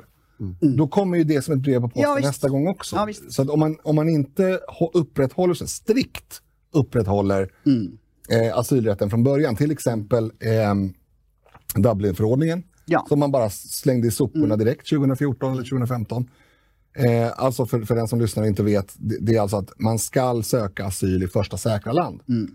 Eh, det är liksom en av grundpelarna för att, för att asylsystemet överhuvudtaget ska fungera. Sen kan man i Europa då, i teorin, om man bestämmer att eh, Dublinförordningen ska vara gällande, så kan man ju såklart i, vid en, låt säga att Afrika brinner upp och det faktiskt finns riktiga flyktingar som, som bäst hjälps genom att migrera. Det är ju väldigt sällan det förekommer överhuvudtaget på jordklotet, men vi säger det. Eh, då kan man ju så, såklart solidariskt ta hand om, om det som behöver tas hand om, men de ska söka asyl när de inträder på säkert territorium. Det, det är liksom det, det är att man slängde den åt sidan som har gjort den här katastrofen så stor i Europa. Ja precis, och det lurar då människor. För, förut, så vi, det kanske förekommer, jo det gör det, förekommer fortfarande att man ska ta sig över Medelhavet från Afrika. Det är också en, en åtgärd som människor vidtar därför att de har ju hört hur Ann Linde, och Fredrik Reinfeldt och äh, Angela Merkel har uttalat sig. Att ja, men det vi ska ta hand om. Ja, alltså flyktingsmugglarna använder ju pressklipp Precis. från svenska UD till exempel. Ja. För att bevisa, titta här, svenskarna har sagt att alla som kommer, de behöver inte visa ID, Nej. ni är välkomna. Ni ska eh, ni ska bara ge mig 100 000 euro först, eller vad det nu kan Ja, precis. eh, Och sen ska ni riskera era liv också på, Just på det, det Medelhavet. är ju det som är det jävla, för nu en del medier tar ju upp hur, hur illa ställt det är där. Det, det finns ju inga byggnader eller någonting vid den här mm, belarusiska och polska gränsen utan man, man får ju sova i- under bar himmel och det är ju ganska kallt. eh, Så att det, det, det ska eh, bli för, för de här, lur, de här människorna som har lurats av svenska migrantaktivister eh, lever ju ett fr- fruktansvärt liv Ja. där. Det, det är tragiskt. Och därför måste man säga ifrån. Och, ett, ett exempel som visar på att det, det fungerar är ju Trump. Alltså när han tillträdde 2016 eller början sju- 2017 så sa han ju direkt att vi ska, och han la ju ma- dekret då om hårdare eh, inresekrav som i och för sig då domstolarna eh, eh, rullade tillbaks en del av. Men då var ju budskapet levererat och då sjönk eh, antalet som sökte sig till USAs södra gräns med Mexiko. Mm. Det sjönk dramatiskt. Nu är det uppe igen i, i, i flera hundratusen. För nu sitter Biden där och ska vara snäll. Men det finns ett exempel, eh, det finns ett exempel som är nästan eh, som en mall för hur man skulle göra på, på Medelhavet och det är Australien. Som beslutade någon gång för tio år sedan att man får inte komma i land. Nej, just det. Man, om man kommer i land norrifrån, jag tror att man åkte från Indonesien, att båten gick från Indonesien, men jag är inte hundra. Då, då är det bästa som kan hända att man får komma tillbaka till Indonesien. Och då bekostade man det. Man körde bara tillbaka folk. Och sen delar man ut flygblad i Indonesien, eller om det var någon annanstans, en, en liten brasklapp för det. Eh, det stod “You will not make Australia your home”. Och sen stod det bara, det, det bästa som kan hända om du sätter dig i den här båten är att du får komma tillbaka till den plats där du började. Du kommer aldrig att kunna komma in i Australien och, bli, och, och söka asyl. Eh, du får ta någon laglig väg, eh, om du nu har asylskäl. Eh, och, och det stoppade ju helt. Ja. Ingen har dött där sen dess. Nej. Det dog ju folk en masse. Alltså, det kanske man inte får säga förresten. I massor. Eh, på, på, nu vet jag inte vad det havet heter strax norr om, om eh, Australien, men skitsamma. Men på Medelhavet dör jättemycket folk. Precis. Så det är märkligt att det här Men det är aldrig- inte humanism. Det finns ingen human aspekt. Nej, det är bara godhetssignalering. Det sp- Konsekvensen är ointressant. En, en slutfråga då på punkten. Eh, Lukasjenko har ju då eh, hotat med att stänga av gasen till Europa. Eh, kommer han lyckas med det?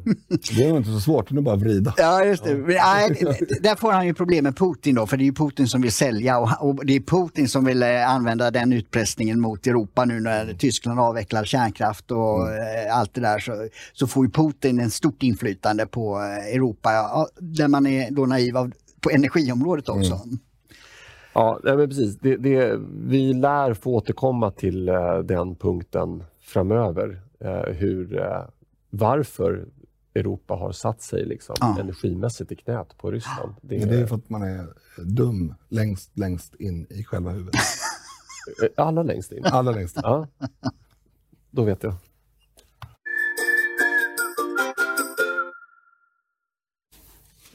Klimatmötet i Glasgow. Eh, Det här, eh, ja vi står ju vid ett vägskäl nu va? Ja, väldigt viktigt. Vi har bara tio år på oss. Men eh, trots det så har det inte varit så här väldigt mycket rapporter om det. Eh, men jag, jag, jag läste i Svenska Dagbladet och jag tycker att det här, jag tog ut ett, ett, ett par korta stycken här som jag tänkte att jag skulle läsa upp faktiskt och ta ett i, i sänder här då. Eh, Ett beslut som fattades under mötet är att länderna nu ska redovisa sitt klimatarbete varje år istället för vart femte.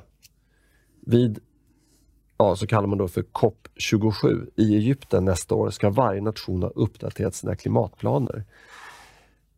Jag, jag, när jag läser det här då tänker jag bara transferiatet. Alltså jag, det kommer anställas hundratals, kanske tusentals tjänstemän Ja. i Sverige som kommer och de kommer inte eh, vara sådana som är ifrågasättande mot Nej. klimatdoktrinen.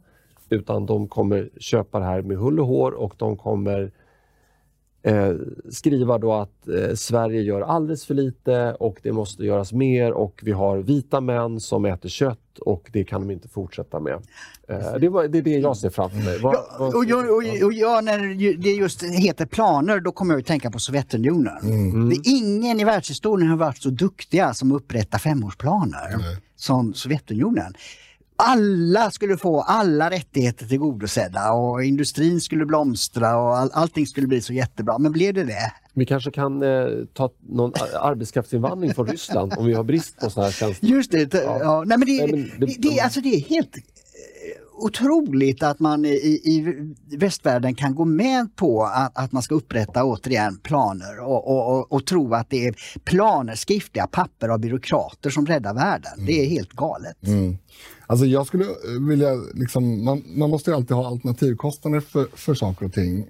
Jag, vill- jag kanske är minst eh, klimatskeptisk här inne, jag vet inte. Men, men jag, eh, alltså jag menar att det finns två bottnar i klimathysterin och den ena är ju att det pågår mänskligt påverkade klimatförändringar. Och, där tycker jag att där gör man sig nog en otjänst om man säger att det gör det inte.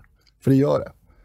Det är jag helt övertygad om att det gör. Sen vet vi inte hur stor del av det som är mänsklig och vi vet inte exakt.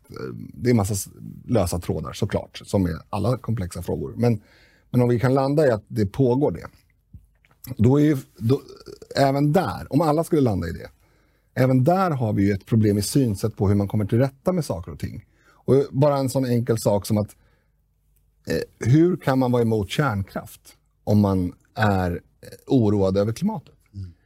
Det, är väl, det är väl det absolut största vi kan göra för, eh, för klimatet. Att både forska och utveckla och bygga så mycket kärnkraft överhuvudtaget går. Därför att uranet eh, och även andra radioaktiva isotoper som faktiskt finns i, i, i jordskorpan kommer inte ta slut förrän vi har löst problemet för gott.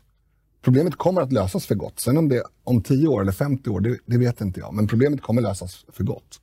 Och då är det bra att bygga en bro mellan nutid och eh, en problemlös framtid genom någonting som är mindre dåligt. Och då är ju eh, klyvning av uran en, en, fantastisk sak man kan ägna sig åt för att ha noll eh, utsläpp av växthusgaser. Ja. Eh, och ändå producera sjukt mycket ganska billig el. Ja. Eh, det, det, är en sak. Men en annan sak är varför tar man inte de här pengarna för de här byråkraterna? För det är ju naturligtvis otroligt många människor. Och bara så här, antingen pumpar in det i forskning kring, kring hur man ska liksom lösa eh, både fission och, och all, alla tänkbara... Ja, solenergi, jag trodde ju på det eh, då när kärnkraftsdebatten var 1980. Eh, mm. Att, att det, kärnkraften skulle inte behövas därför att solenergin mm. strålar in så enormt mycket energi på jorden. Mm. Att bara man fångar upp en väldigt liten del av det så skulle vi ha hur mycket mm. elenergi som helst. Men där har inte forskningen gått särskilt snabbt framåt. Nej. Men det kommer, det kommer det säkert kommer. gå väldigt snabbt ja. där också, eller väldigt, väldigt långt där också mm. med tiden. Det är det jag menar med det här, det är språng, ett språng från nutid ja till någon sorts diffus framtid. Men det språnget kan vi ju ta med hjälp av kärnkraft till exempel. Mm. Eh, men om man antingen då pumpar in de här pengarna i, i projekt som faktiskt är till för att praktiskt lösa ja, problem. Exakt. Eller bara gör så här. Eh, vi tar alla de här pengarna, så lägger vi i en pott så säger vi så att den som löser problemet får de här pengarna. Men alltså, marknaden är mycket, mycket bättre än EU. Ja, Eller en, en ah, ja visst. Alltså, jag, jag säger så här, eh, jag, jag, jag, vill återknyta till det du sa Linus. Det pågår en uppvärmning. Mm. Eh, hur trenden ser ut, om, den, om vi har värmts upp i 200 år eller 10 år eller hur nu. Men just nu, det, det går inte att... Liksom, Men man kan i alla fall konstatera att mängden koldioxid i atmosfären är brutalt mycket högre än vad den var för 1000 år sedan eller 500 år sedan. Eller, ja, ja. Det är ju en faktor i alla fall. Ja, och, och, då kan man undra varför det inte är brutalt mycket varmare då än på den tiden när Grönland var grönt. Det, det kan ju vän av ordning ja, fråga absolut. sig. Ja. Men om du tittar på graferna så på fluktuationen i till exempel koldioxid och även värme så ser du att det här är inte normalt. Nej, okej. Okay. Ja, vi, vi, vi, vi, antar att, att människan har en, en viss påverkan, mm. för det var det du sa. Jag, jag, jag, jag, jag säger inte emot mm. dig. Eh, men istället då för att eh, försöka liksom få, förmå mänskligheten att konsumera mindre, eh, att liksom köpa en svindyr elbil istället för en bensinbil som idag faktiskt inte har någon klimatpositiv effekt Nej. i och med att man eh, laddar eh, elbilen med eh, kraftvärmeproducerad el från Karlshamn, mm. bland annat. Eh, men istället för det, då kan man göra som eh, då vill jag ta, återigen ta fasta på det här programmet som jag hörde på Sveriges Radio eh, där det var en kvinna från Bloomberg mm. som var mm. intervjuad. Mm. Hon räknade ju allting i kostnader. Ja, men om vi inte gör någonting, då kommer vi be behöva betala 30% av vår BNP ja, år mm. 2100 till här. Ja, kanske är bättre då. För att, att, att liksom säga till någon som, som kör runt i en rishög till bil mm. eh, och som ska gå in och köpa en ny bensinbil för 200 000. Och säga till den familjen, så här, nej, nej, nej, nej. Eh, du, du, du kan absolut inte köpa den här, för då, då förstör du mm. eh, världen. Du ska köpa den här bilen för 800 000. Mm. Eller till exempel ja, någon som har sparat i flera år. För att ja, du ska köpa den här bilen för 800 000 och den kommer inte göra någon skillnad. Ja, den ska tankas med olja, ja, oljeel. Ja. ja. Eller för den delen att säga till någon som har sparat i flera år för att kunna ta familjen till en utlandsresa. Som Maldiverna. Ja, mm. Maldiverna till, eller för den delen ett billigare resmål. Mallorca eller Kanarieöarna. Nej, det kan inte du göra. För att eh, världen kommer brinna upp här. Och det, det, du, du, du kan aldrig stoppa. Nej. Då, då, Ja, och, och, ja, och i Norrland, det är, det är ju ganska långt mellan Ja. orterna där. Att, att tanka eh, el fungerar inte så särskilt bra. Nej. Med, en, ens med de bästa elbilarna idag. Så här, den, den, den som faktiskt konsumerar, den som faktiskt jobbar, den som faktiskt kör sin bil de här 15 milen ibland i, i Norrlands inland till sitt jobb. Den gör ju en mycket större klimatnytta än någon som bara sitter på händerna. Därför att alla de pengar som den genererar, det välstånd som den genererar i och med både sitt arbete men också sin konsumtion, går ju till staten som i sin tur kan göra vettiga saker istället för att göra massa symbolskit som inte hjälper någonting överhuvudtaget. Exakt. Symbolskit. Eh, och det, det, det enda konkreta som kommer ut av det här, det är att det är en massa tjänstemän som kommer anställas. Och Exakt. i, i, via skattemedel ta våra pengar. För att det kommer inte förändra någonting. Om, om de ändå gick, vi, vi kan göra så här. Vi förbjuder flyget. Vi gör det. Jag, jag är med på det. För alla utom Per Bolund. Ja, ja, men ungefär. Det är det som är grejen. För att de, de kan inte leva som de lär. Eh, Nej, för det är det som retar mig mest. Det, det är det att Bolund fick ju då frågan. För det, nu om man också ska där hitta en liten positiv sak, att nu har ju till och med eh, minister börjat få Ja, frågor. medier Va- ja, va, va, eh, varför flög du till Glasgow? Och då svarar han, ja, jag, har, eh, jag har, min kalender är så full så jag hinner inte om jag inte tar flyg. Som om det bara är han som har mycket att göra. Bara är hans kalender som är viktig. Alla andras är skit, de kan Nej, gå. men småbarnsmorsan i Ja. Knäckebyhult Ja. som ska hämta sina barn Mm, nej, det, eh, på förskolan som ligger Ja. två mil bort. Hon kan ju ta cykeln. Hon har väl jättemycket luft i sin kalender, tänker han. Ja, visst. Nej, det, det, det är alltså en sån otrolig e- elitism och sånt otroligt förakt för, för eh, folket i, i, i, i, hos de här människorna alltså. Och, och jag säger så här, skulle, skulle, skulle vi kunna så här, dra ner vår, vårt fossilberoende till noll och kol till noll och sådär som vissa ville då i den här kongressen. Absolut, men så här, det går inte. Det enda, enda, enda möjligheten till att vi skulle kunna göra det är att vi inför en riktigt jävla, ursäkta uttrycket, hårdför diktatur över hela världen. Alltså Sverige kan Det ju det. inte. Sverige kan ju det ga- ganska snart. Eh, givet eh, framgångarna på elflygsfronten till exempel. Jag vet inte om ni såg, nu har de ett, ett passagerarplan som kan... Men hur kan du börja prata om elflyg? Alltså, det Ja men, ja, men därför att det är det enda som vi inte kan... Det är det enda som vi inte... Alltså elbilar är på frammarsch. Det kommer ju komma. Det är frågan om hur mycket man ska pusha fram det. Och, och där håller jag med dig. Vi, vi ska inte tvinga människor som har, liksom, inte har hur mycket pengar som helst att köpa en jättedyr bil. Men det kommer ju, det kommer ju såklart vara el. Om 10-15 år så är det ju elbilar som gäller. Det, det, något annat är ju bara konstigt tänkande. Förutom veteranbilar och hobbysaker såklart. Men transportmässigt så är det klart att det kommer vara el. Det finns till och med ellångtradare nu. Alltså det är klart att det kommer vara el.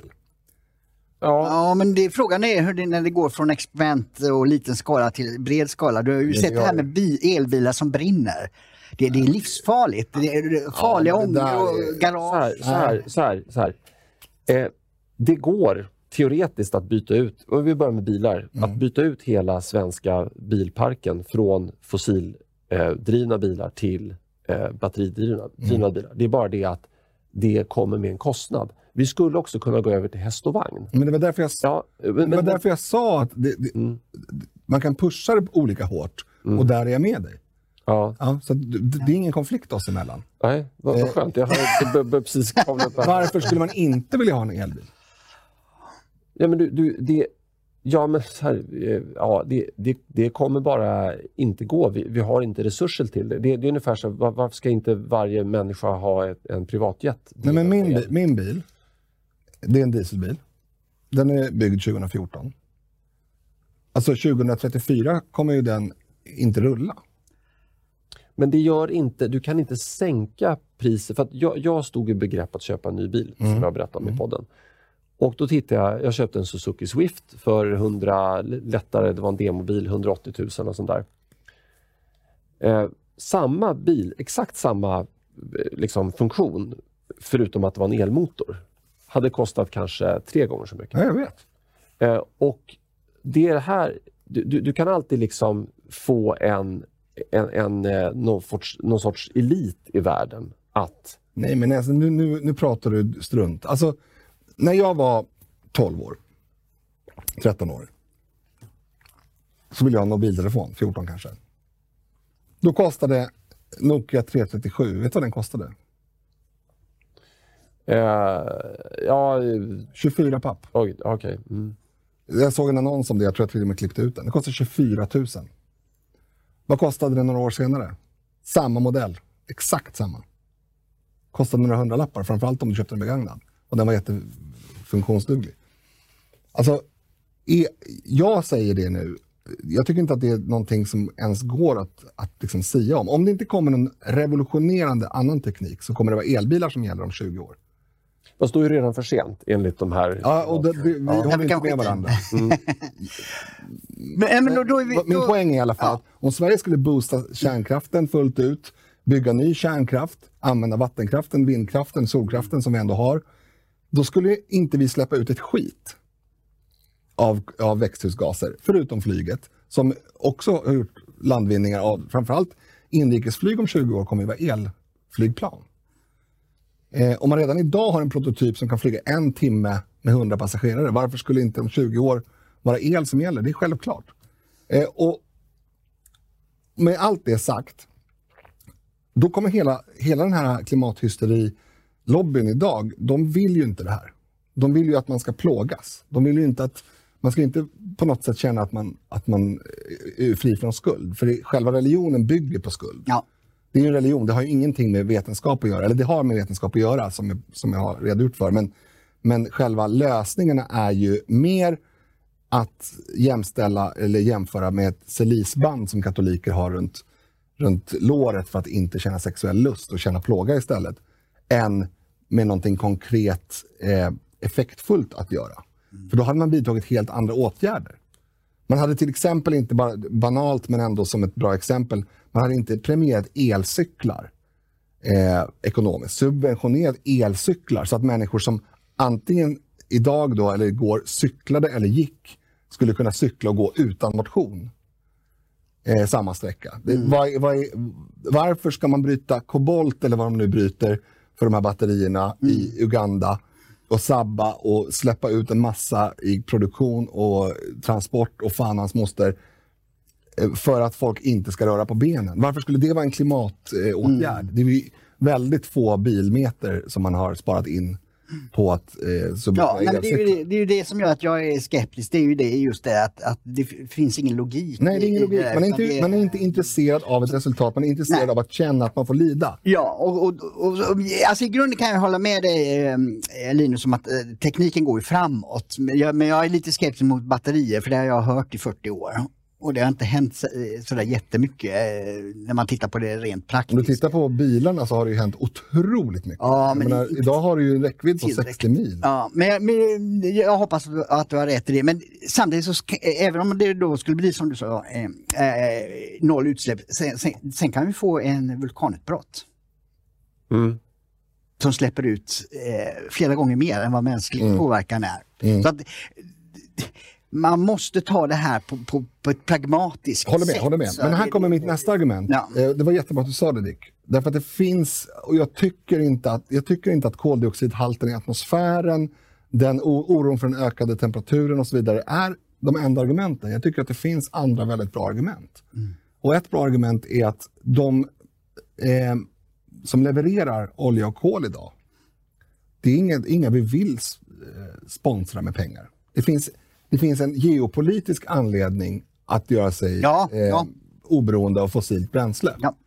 Eh, och, och nu, nu kommer jag inte ihåg vad det här eh, isotopen heter som faktiskt finns väldigt mycket av i Sverige. Eh, Kommer ni ihåg? Nej. Eh, ja, skitsamma. Det finns, det finns en radioaktiv isotop som går att använda i eh, kraftverk eh, i Sverige också. Det skulle ju innebära att vi var tvungna att bryta upp typ halva Härj- Härjedalen. För det måste ske i dagbrott och sådär. Så det är jättedåligt. Men, men det är bara så här. Det finns resurser. Eh, vi skulle kunna vara oberoende av att importera energi överhuvudtaget. Det skulle vara en bra grej. Eh, vi skulle kunna eh, såklart behöva importera eh, uran eh, som det ser ut nu. Men det är återigen, det är den här bryggan mellan nutid och framtid. Eh, I, framtid, I framtiden, vi vet ju inte. Vi vet ju inte hur det går med, med liksom, de olika. Det finns ju en massa olika projekt som ligger väldigt mycket i framkant. Eh, som kommer lösa, jag är helt övertygad om att ja, kanske innan jag är död så är, liksom, Men, är problemet precis, men det viktiga här är ju, om man nu går tillbaka till det här med Glasgow, att istället för att göra planer mm. om vad man borde göra eller vad man eh, hoppas att eh, det ska ske, så borde just koncentrationen ligga på just att hitta tekniska lösningar. Mm, att i, gå underifrån och upp så att säga, istället för uppifrån med byråkrati och ner. Mm. Och framförallt, framförallt så gör man, man gör den, tar den lätta vägen. Och det, det gör ju de här politikerna av en anledning. Den lätta mm. vägen det är att säga att vi höjer skatten på de här grejerna. Mm. Det kostar ju ingenting, tvärtom. Mm. Det får ju de ju in pengar på. Mm. Vi förbjuder, vi höjer skatt. Det är de två mm. liksom, verktyg man använder. Och det, det är inte så man får folk med sig. Det, det, är så man får folk mot sig. Mm. Ja, och då kan jag komma in på det här då. Eh, en eh, slutkläm i, av den här artikeln. Eh, ja, det, det, är lite taget eh, ur sitt sammanhang här, men jag börjar läsa i alla fall. Det rör sig dels om en lösning där de fattigare länderna ska få mer pengar i klimatstöd från rika länder än tidigare. Trots att de rika länderna ännu inte betalat de 100 miljarder dollar per år till fattigare länder som utlovades för tio år sedan. Eh, ja, jag kunde faktiskt gissa på förhand att det skulle sluta där. Ja. Mm. Vi som eh, är, eh, har, bär på det här vita privilegiumet, mm. vi ska ge till dem som mm. står lägre i maktpyramiden. Mm. Och det spelar ingen roll vad det gäller, men nu den här gången var det klimat. Mm. Så då måste vi ge pengar eh, av det skälet också. Eh, och, eh, alltså, om man menade allvar med det här, Eh, Maldiverna, återknyter till det landet igen, då, de var ute och var väldigt oroliga. De säger att de lägger 40% av sin budget på klimat och sådär. Ja, men om de, var, om de var riktigt, riktigt oroliga, då skulle de sänka sin population. Alltså inte genom att halshugga människor, utan genom preventivmedel och mm. aktiv, vara väldigt aktiv. kanske skulle ta båtar mellan öarna istället för att ha ett extremt invecklade flygsystem. Ja, alltså jag kan säga så här, utan diesel, då skulle, då skulle Maldivernas turistindustri dö. Ja. De, de har, var, ja, vad jag vet, varenda sån här paradisö har mm. ett fett dieselaggregat, mm. dieselgenerator. Mm.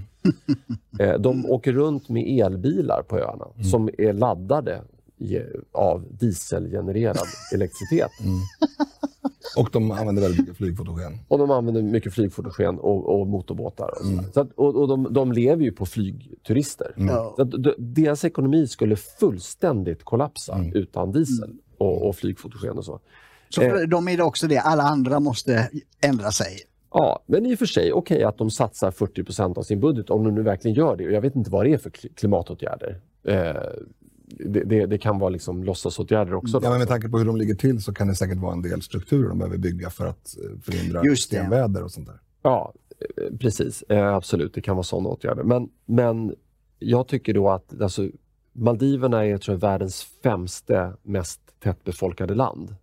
Aha. Och Jag förstår att de är det, därför att de har höga intäkter från mm. turistindustrin. Det är inte särskilt stora landytor. Nej.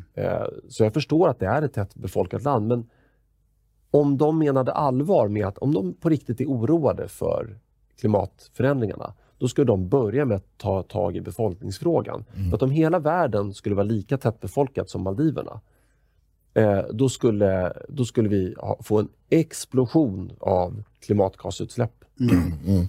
Eh, och, då, och jag skulle vilja fråga någon sån här eh, klimatalarmist, okay, men vad är bäst?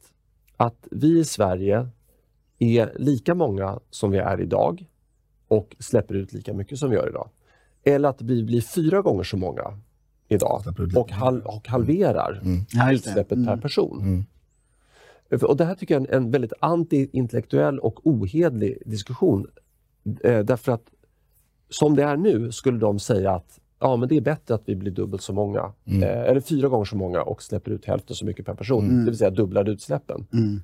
För, för Annars skulle, vi inte, annars skulle man aldrig kunna attackera svenska nej, folket. Exakt. Mm. Eh, man vill inte räkna per capita. Nej, nej. Eh, och, och landyta. Det, det, måste räkna på. Man måste räkna per land och person och landyta. Ja, exakt. Mm. Eh, för för an, annars kommer man aldrig komma fram till det här. Då, då, då, alltså, det får... är det, för bara säga, det, det, är otroligt, jag vill, jag vill ta en del till tid här. Det, det är otroligt olika förutsättningar för människor. Alltså antingen så tycker man att den som bor i norra Norrland är en skurk för att den bor där. Eller så får man acceptera att det kommer kosta mer energi att bo norr om polcirkeln än att bo i, på Malta. Mm. Man kan inte jämföra två personer de, på de två platserna och säga den här är en klimatbov. För då får man säga att man ska inte bo där i så fall, om man, nu, om man nu vill ha den åsikten. Man ska inte bo i Sverige överhuvudtaget faktiskt, för det är alldeles för jävla kallt Ja. eh, för att bo här. Och det är ju inte, det är inte någon som vill säga det. Eh, men det är ju det de säger eh, eh, implicit. När, sen, sen, sen, sen har vi det här med globaliseringen. Alltså, anledningen till att svenskar har så högt eh, klimatavtryck i de här undersökningarna, det är ju inte att vi släpper ut särskilt mycket, utan att vi köper saker från andra länder ja. Mm. som släpper ut. Och då ska vi få skit för att de inte sköter sin energiproduktion på ett, på ett rent sätt. Utan det rimliga är ju då i så fall, om man nu ska ha den synen på saker och ting, då ska ju vi få pluspoäng för allt vi exporterar med, som är producerat med vattenkraft. Eller hur? Alla maskiner, Sverige har en ganska stor exportindustri avseende liksom, ganska avancerade maskiner. De maskinerna, när de säljs till Kina eller Schweiz eller var de nu skulle kunna säljas, då ska ju vi få pluspoäng på det här eftersom det alternativutsläppet för samma maskin hade ju varit brutalt mycket högre i, i eh, Wuhan, om vi tar ett, ett exempel. Eh, så, så det är ju bara propaganda, alla de här siffrorna är ju bara propaganda för att man ska känna att ja, nu, nu måste vi, oj, vi måste elcykla till jobbet hela dagarna. Eh, istället för att bara se saker för vad det är. Det kommer vara en lång process. Marknaden är en extremt viktig part i det här och det är det jag menar med elbilar. Eh, jag är helt övertygad, vi får väl se, vi får väl se om 20 år och, diskutera saken, men jag, jag är helt övertygad om att det är elbilar som kommer gälla då.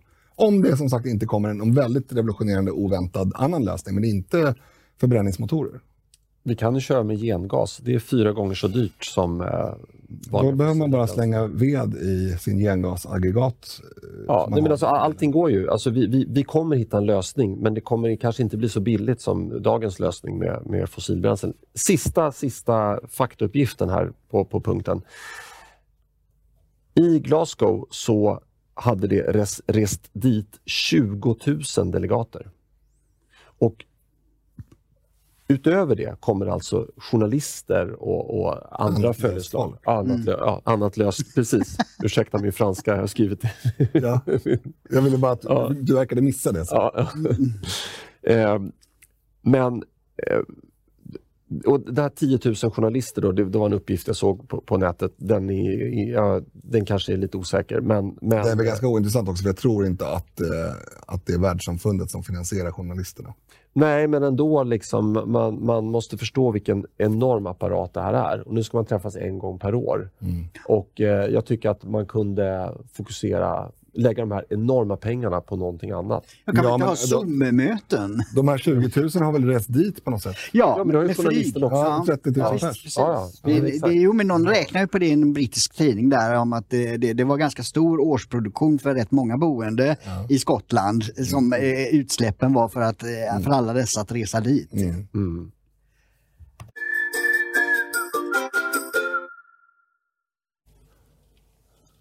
Annie Lööf väcker förvåning i regeringskansliet.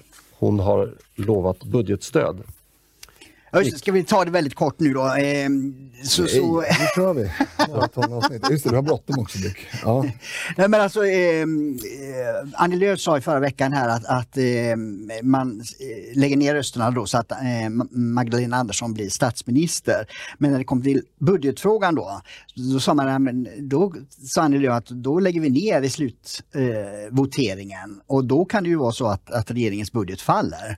Och då skriver Expressen med, med sina eh, Eh, källor att, att eh, det väckte förvåning i regeringskansliet för att i somras då när det var förra regeringskrisen så hade Annie Lööf eh, lovat att stödja budgeten. Så att det trasslar till sig ännu mera för Magdalena Andersson här nu, nu, nu när hon ska tillträda. Mm. Men, men Dick, du, du har varit inne tidigare i något avsnitt av Samtidigt eh, att eh, du, inte skulle, du, du tror inte att det skulle vara en fördel för eh, de konservativa att låta regeringen regera på en eh, högerbudget. Nej, alltså då, då, då skulle ju om Magdalena Andersson kommer till som statsminister så skulle hon ju kunna skylla alla problem som uppstår fram till valdagen på att det beror på den här budgeten som ju inte är, regeringens. Liksom att man, regeringen kan sätta sig i oppositionsställning vilket är ju väldigt udda i en demokrati. Mm. Men det skulle ju kräva ganska Alltså det skulle kräva en helt annan budget för att hon skulle kunna komma undan med det. Ja, men det, ja nej, men precis. Så därför tror jag att, att eh, man i finansutskottet kan eh, hitta enskilda frågor där eh, oppositionen enas om och då om, om Centern lägger ner kan ändra på. Och då är det ju de begränsade frågorna då som, som får påverka och då kan inte Magdalena Andersson skylla på oppositionen. Mm, Jag sitter ju med ett, ett visst mått av jäv här. Eller det? Jag kan inte diskutera det här eh, särskilt djupt då. Eh, och det är ju en lyx såklart. Men, men att Annie Lööf håller på och manövrerar hit och dit, det kan jag ju diskutera. Det, är ju, det är ju ganska så här, naturligt. Hon behöver ju, hon har ju en jäkla sits alltså. Hon, har ju, hon står ju i spagat Ja. mellan sitt eget parti och sina nya väljare. 14-åriga tjejer av olika kön och ålder. som De får inte rösta. Nej, alltså, det var därför jag la till olika, kön, olika varierande kön och ålder. men, men alltså hennes väljare är ju, det är ju, det är ju liksom eh, glättiga tygkassepersoner som ligger, lutar mycket mer åt vänster än vad riktiga centerpartister, nu finns det ju inga riktiga centerpartister, men nyriktiga då, eh, centerpartister. Eh, alltså det är ju det är ju en helt, det är en milsvid skillnad mellan väljarkårens åsikter och Centerpartiets åsikter. Och väljarna tyck, tror jag inte i jättestor utsträckning har några problem med att man sitter fast i, i eh, sosseknät, så att säga. Men centerpartister, alltså aktiva, eh, de är också väljare, men ni fattar vad jag menar. Ju mer inne i politiken man är, desto mer problematiskt förstår man att det är att sitta i knät på Socialdemokraterna. Eh, och, och den slitningen blir otroligt stor och därför måste man ju hela tiden positionera och visa att man inte alls är eh, på sossarnas liksom, planhalva fullt ut. Man vill ju vara den breda mitten. Det är 10% av befolkningen i mitten, eh, säger vi. Det är bara trams. Men, men ni förstår vad jag menar. Ja, jag, jag har för mig att vi hade något längre fredags, fredagsavsnitt Ja. eh, om det här, Centerns eh, Ja, spagat, vi. spagatövningar. Mm. Eh, men om vi tar den här specifika situationen då. Eh, alltså Rosenbad, förvåningen i Rosenbad bygger på att ett löfte till Stefan Löfven inte längre gäller när Mm. Stefan Löfven har bytts ut mot Magdalena Andersson och allt annat är lika. Eh, Alltså, allt annat är inte lika eftersom det närm- varje dag blir ett, en dag närmare val. Och den positioneringen, den imagen man måste försöka eh, mejsla fram här är ju att man är en fristående, en fri radikal kanske. Eh, som, som en röst på Centerpartiet är en röst på Centerpartiet och inget annat. Det är ju det man vill signalera. Det blir ju svårt såklart. Det är ju väldigt få som kommer köpa det. Men jag tror att det är det man gör. För rent matematiskt så är det så här att om, om, om det inte blir några större väljarförändringar från opinionsläget nu eh, så är det ganska stor sannolikhet att, att vi kommer få leva med en Risk. Ja, risk eh, leva med en rödgrön regering som regerar på en högerbudget. Därför att eh, Annie Lööf kommer ju i framtiden kunna göra just det hon gör nu. Att hon säger att nej men vi, jag, jag tolererar en, en sosse-statsminister för att jag inte liksom vill tolerera en statsminister som är beroende av SD. Men hon kommer ju inte med äran i behåll kunna förhandla budget med Vänsterpartiet. Nej. Vil- Vilket är ju det hon måste göra, för Vänsterpartiet kommer ju aldrig liksom släppa fram en budget som har stora inslag av Nej, centerpartistisk politik. exakt. exakt. Eh, så att det ska bli väldigt intressant eh, att se. Ja, och därför är det viktigt att eh, väljarna förstår vilken röra det blir om det skulle bli, bli en fortsatt eh, den här majoritetsförhållanden efter valet 2022. Det vore ju fruktansvärt. Mm. Mm. Men då får de väl köra, då får de väl sossarna regera på eh, en eh, högerbudget då. År Tyvärr. efter år. Efter. Tyvärr är ju det ett dåligt alternativ också, därför att all makt ligger inte i, i budgeten. Nej, precis. Det, är- det är liksom är... Jag ser det sossarna är jäkligt duktiga på att strunta i Ja, saker. just det, precis. Och det är väldigt svårt att regera från baksätet. Alltså eh, budgeten då, då trumfar man igenom det. Ja, men sen är det de i framsätet som ska genomföra. Ja, och det enda de kommer säga är att ja, det här är dåligt där. Det, här, Mm. det är dåligt med gängkriminaliteten för att eh, vi regerar på en högerbudget. Ja. Fast det är ju helt ologiskt för att Mm. den, den kommer ju såklart vara mycket bättre mot gängkriminaliteten. Men, men det går att säga det. Ja, och därför, är det, därför måste, och jag hoppas verkligen svenska folket förstår att, att man måste bestämma tydligt vem det är som ska bestämma i det här landet.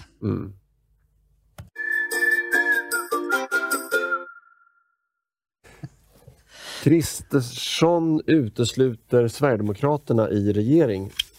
I en stor intervju för Aftonbladet säger moderatledaren Ulf Kristersson att det är faktiskt helt uteslutet att Sverigedemokraterna får ingå i en regering som han bildar efter valet.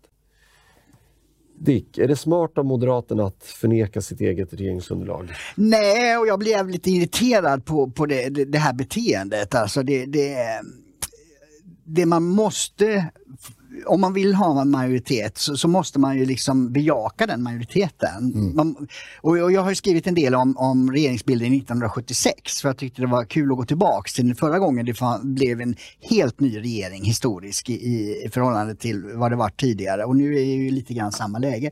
Och då var det faktiskt Torbjörn Fälldin som vägrade att eh, planera eh, för efter valet. För då, då var Gösta Bohman och Moderaterna väldigt angelägna för då var det de som var stigmatiserade av sossarna, högerextremister och allt vad man sa. Va?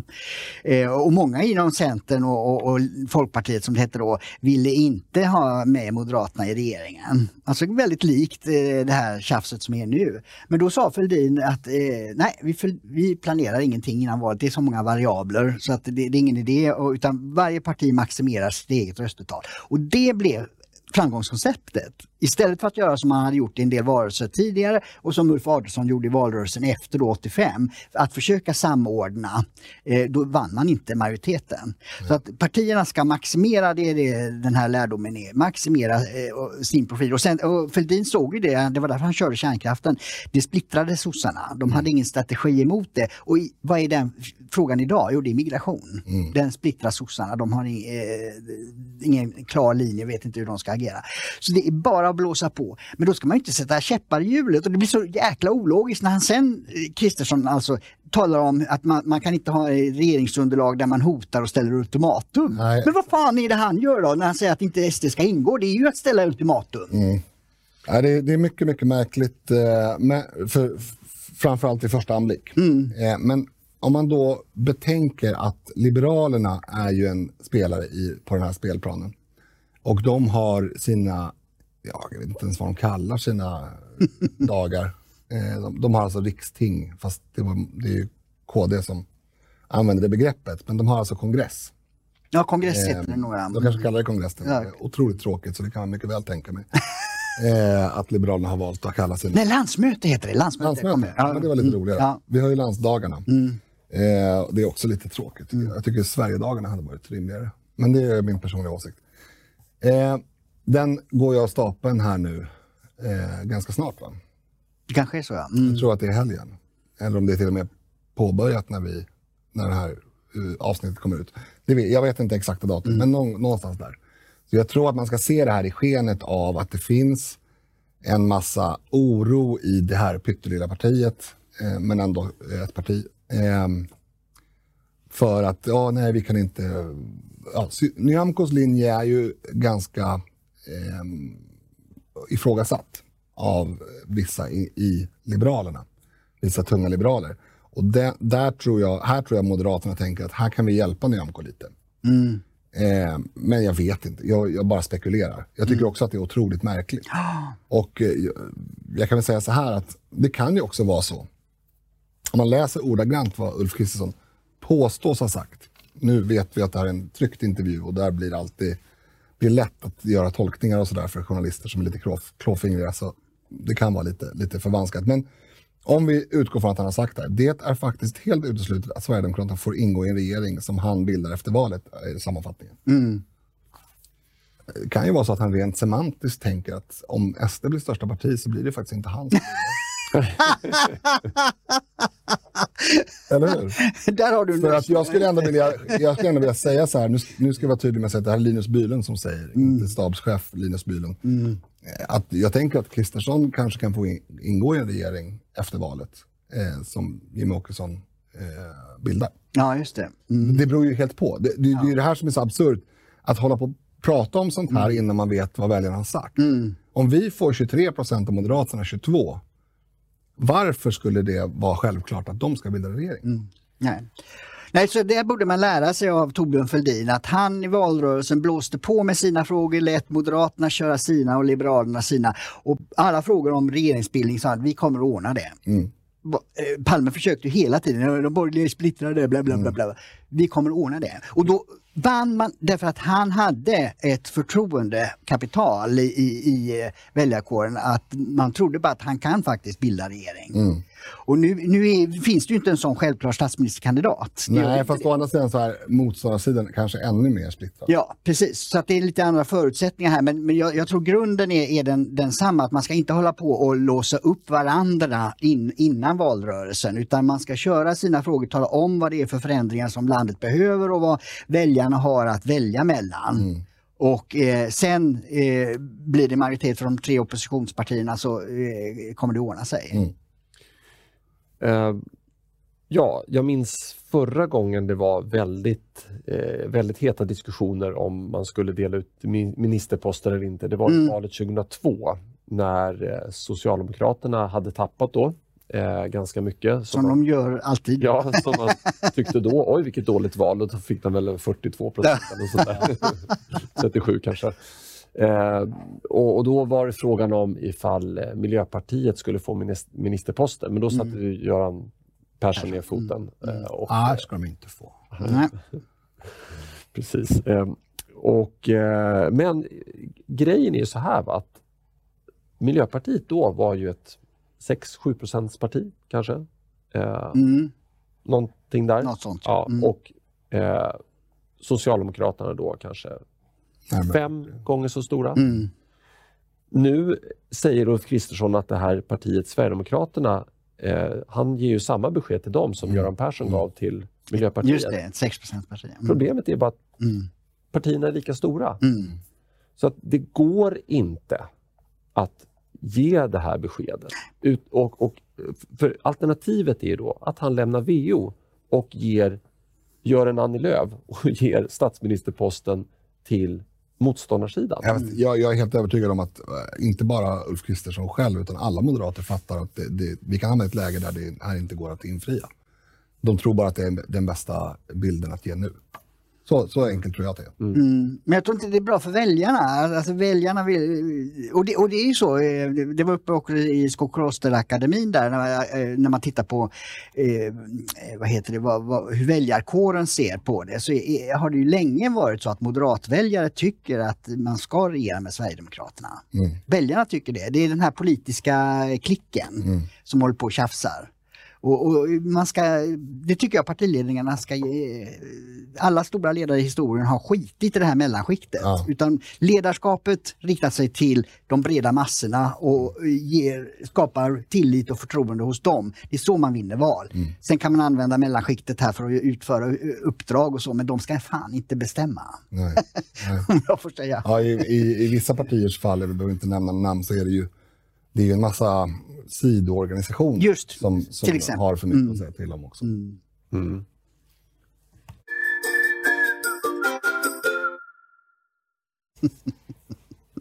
Ja, Linus. Eh, jag, eh, du, du sa ju här i början av podden att du eh, lyssnade på Sista måltiden istället för eh, samtidigt, när du fick välja helt själv. Det är helt sjukt. Ja, det är det. Men då tänkte jag att då vill jag Sista måltida samtidigt lite grann genom att göra ungefär lika långa avsnitt. Så att nu är vi uppe på 1.42 här, så det, det är väl ändå i, kanske i Ett halvt. Ja, ett halvt. Men, men det sista måltidens absolut kortaste avsnitt någonsin. Ja, det är absolut. kanske- Det, det har vi absolut. Eh, hem. till och med passerat. Ja, det. Ja. Så att nu, nu är det synd att nu är du med idag. Så att du, Är det synd? Du, kom, nej, men att du, du kan inte lyssna på det. Vi, får ju en, vi får en lyssnare mindre då. Färre. Att, färre. Ja, Mm. för att om, mindre till antalet. Ja. Eh, så att annars hade du säkert lyssnat idag när du har sett, oj, Jag, jag, en- tror att, jag tror att, alltså, pratar vi ljudplattformarna, så tror jag att det är en minut som räknas som en lyssning. Så jag kan nog bidra. Jag gör det ändå. Ja, du får, du får banne mig kompensera. Ja. Eh, jag blir lite kränkt här i början. Mm. Ja, bra. Eh, ni som har hängt med ända till nu, ni är hjältar. Och vill ni bli ännu mer hjälteförklarade så kan ni alltid dela podden. Ni kan alltid tipsa vänner och bekanta. Och ni kan eh, alltid eh, följa oss i sociala medier. Speciellt eh, min egen Twitter. Det kanske är Sveriges bästa Twitterflöde just nu, Mm. skulle jag tro. Okej. Ja. Jag hänger inte på Twitter längre, Nej, så jag vet nej. inte. Så är det Jag säkert. gör ju bara reklam för eh, artiklar i samtiden via Twitter. ju. Ja, just det. Ja, samtidigt, det är god andra plats. Mm.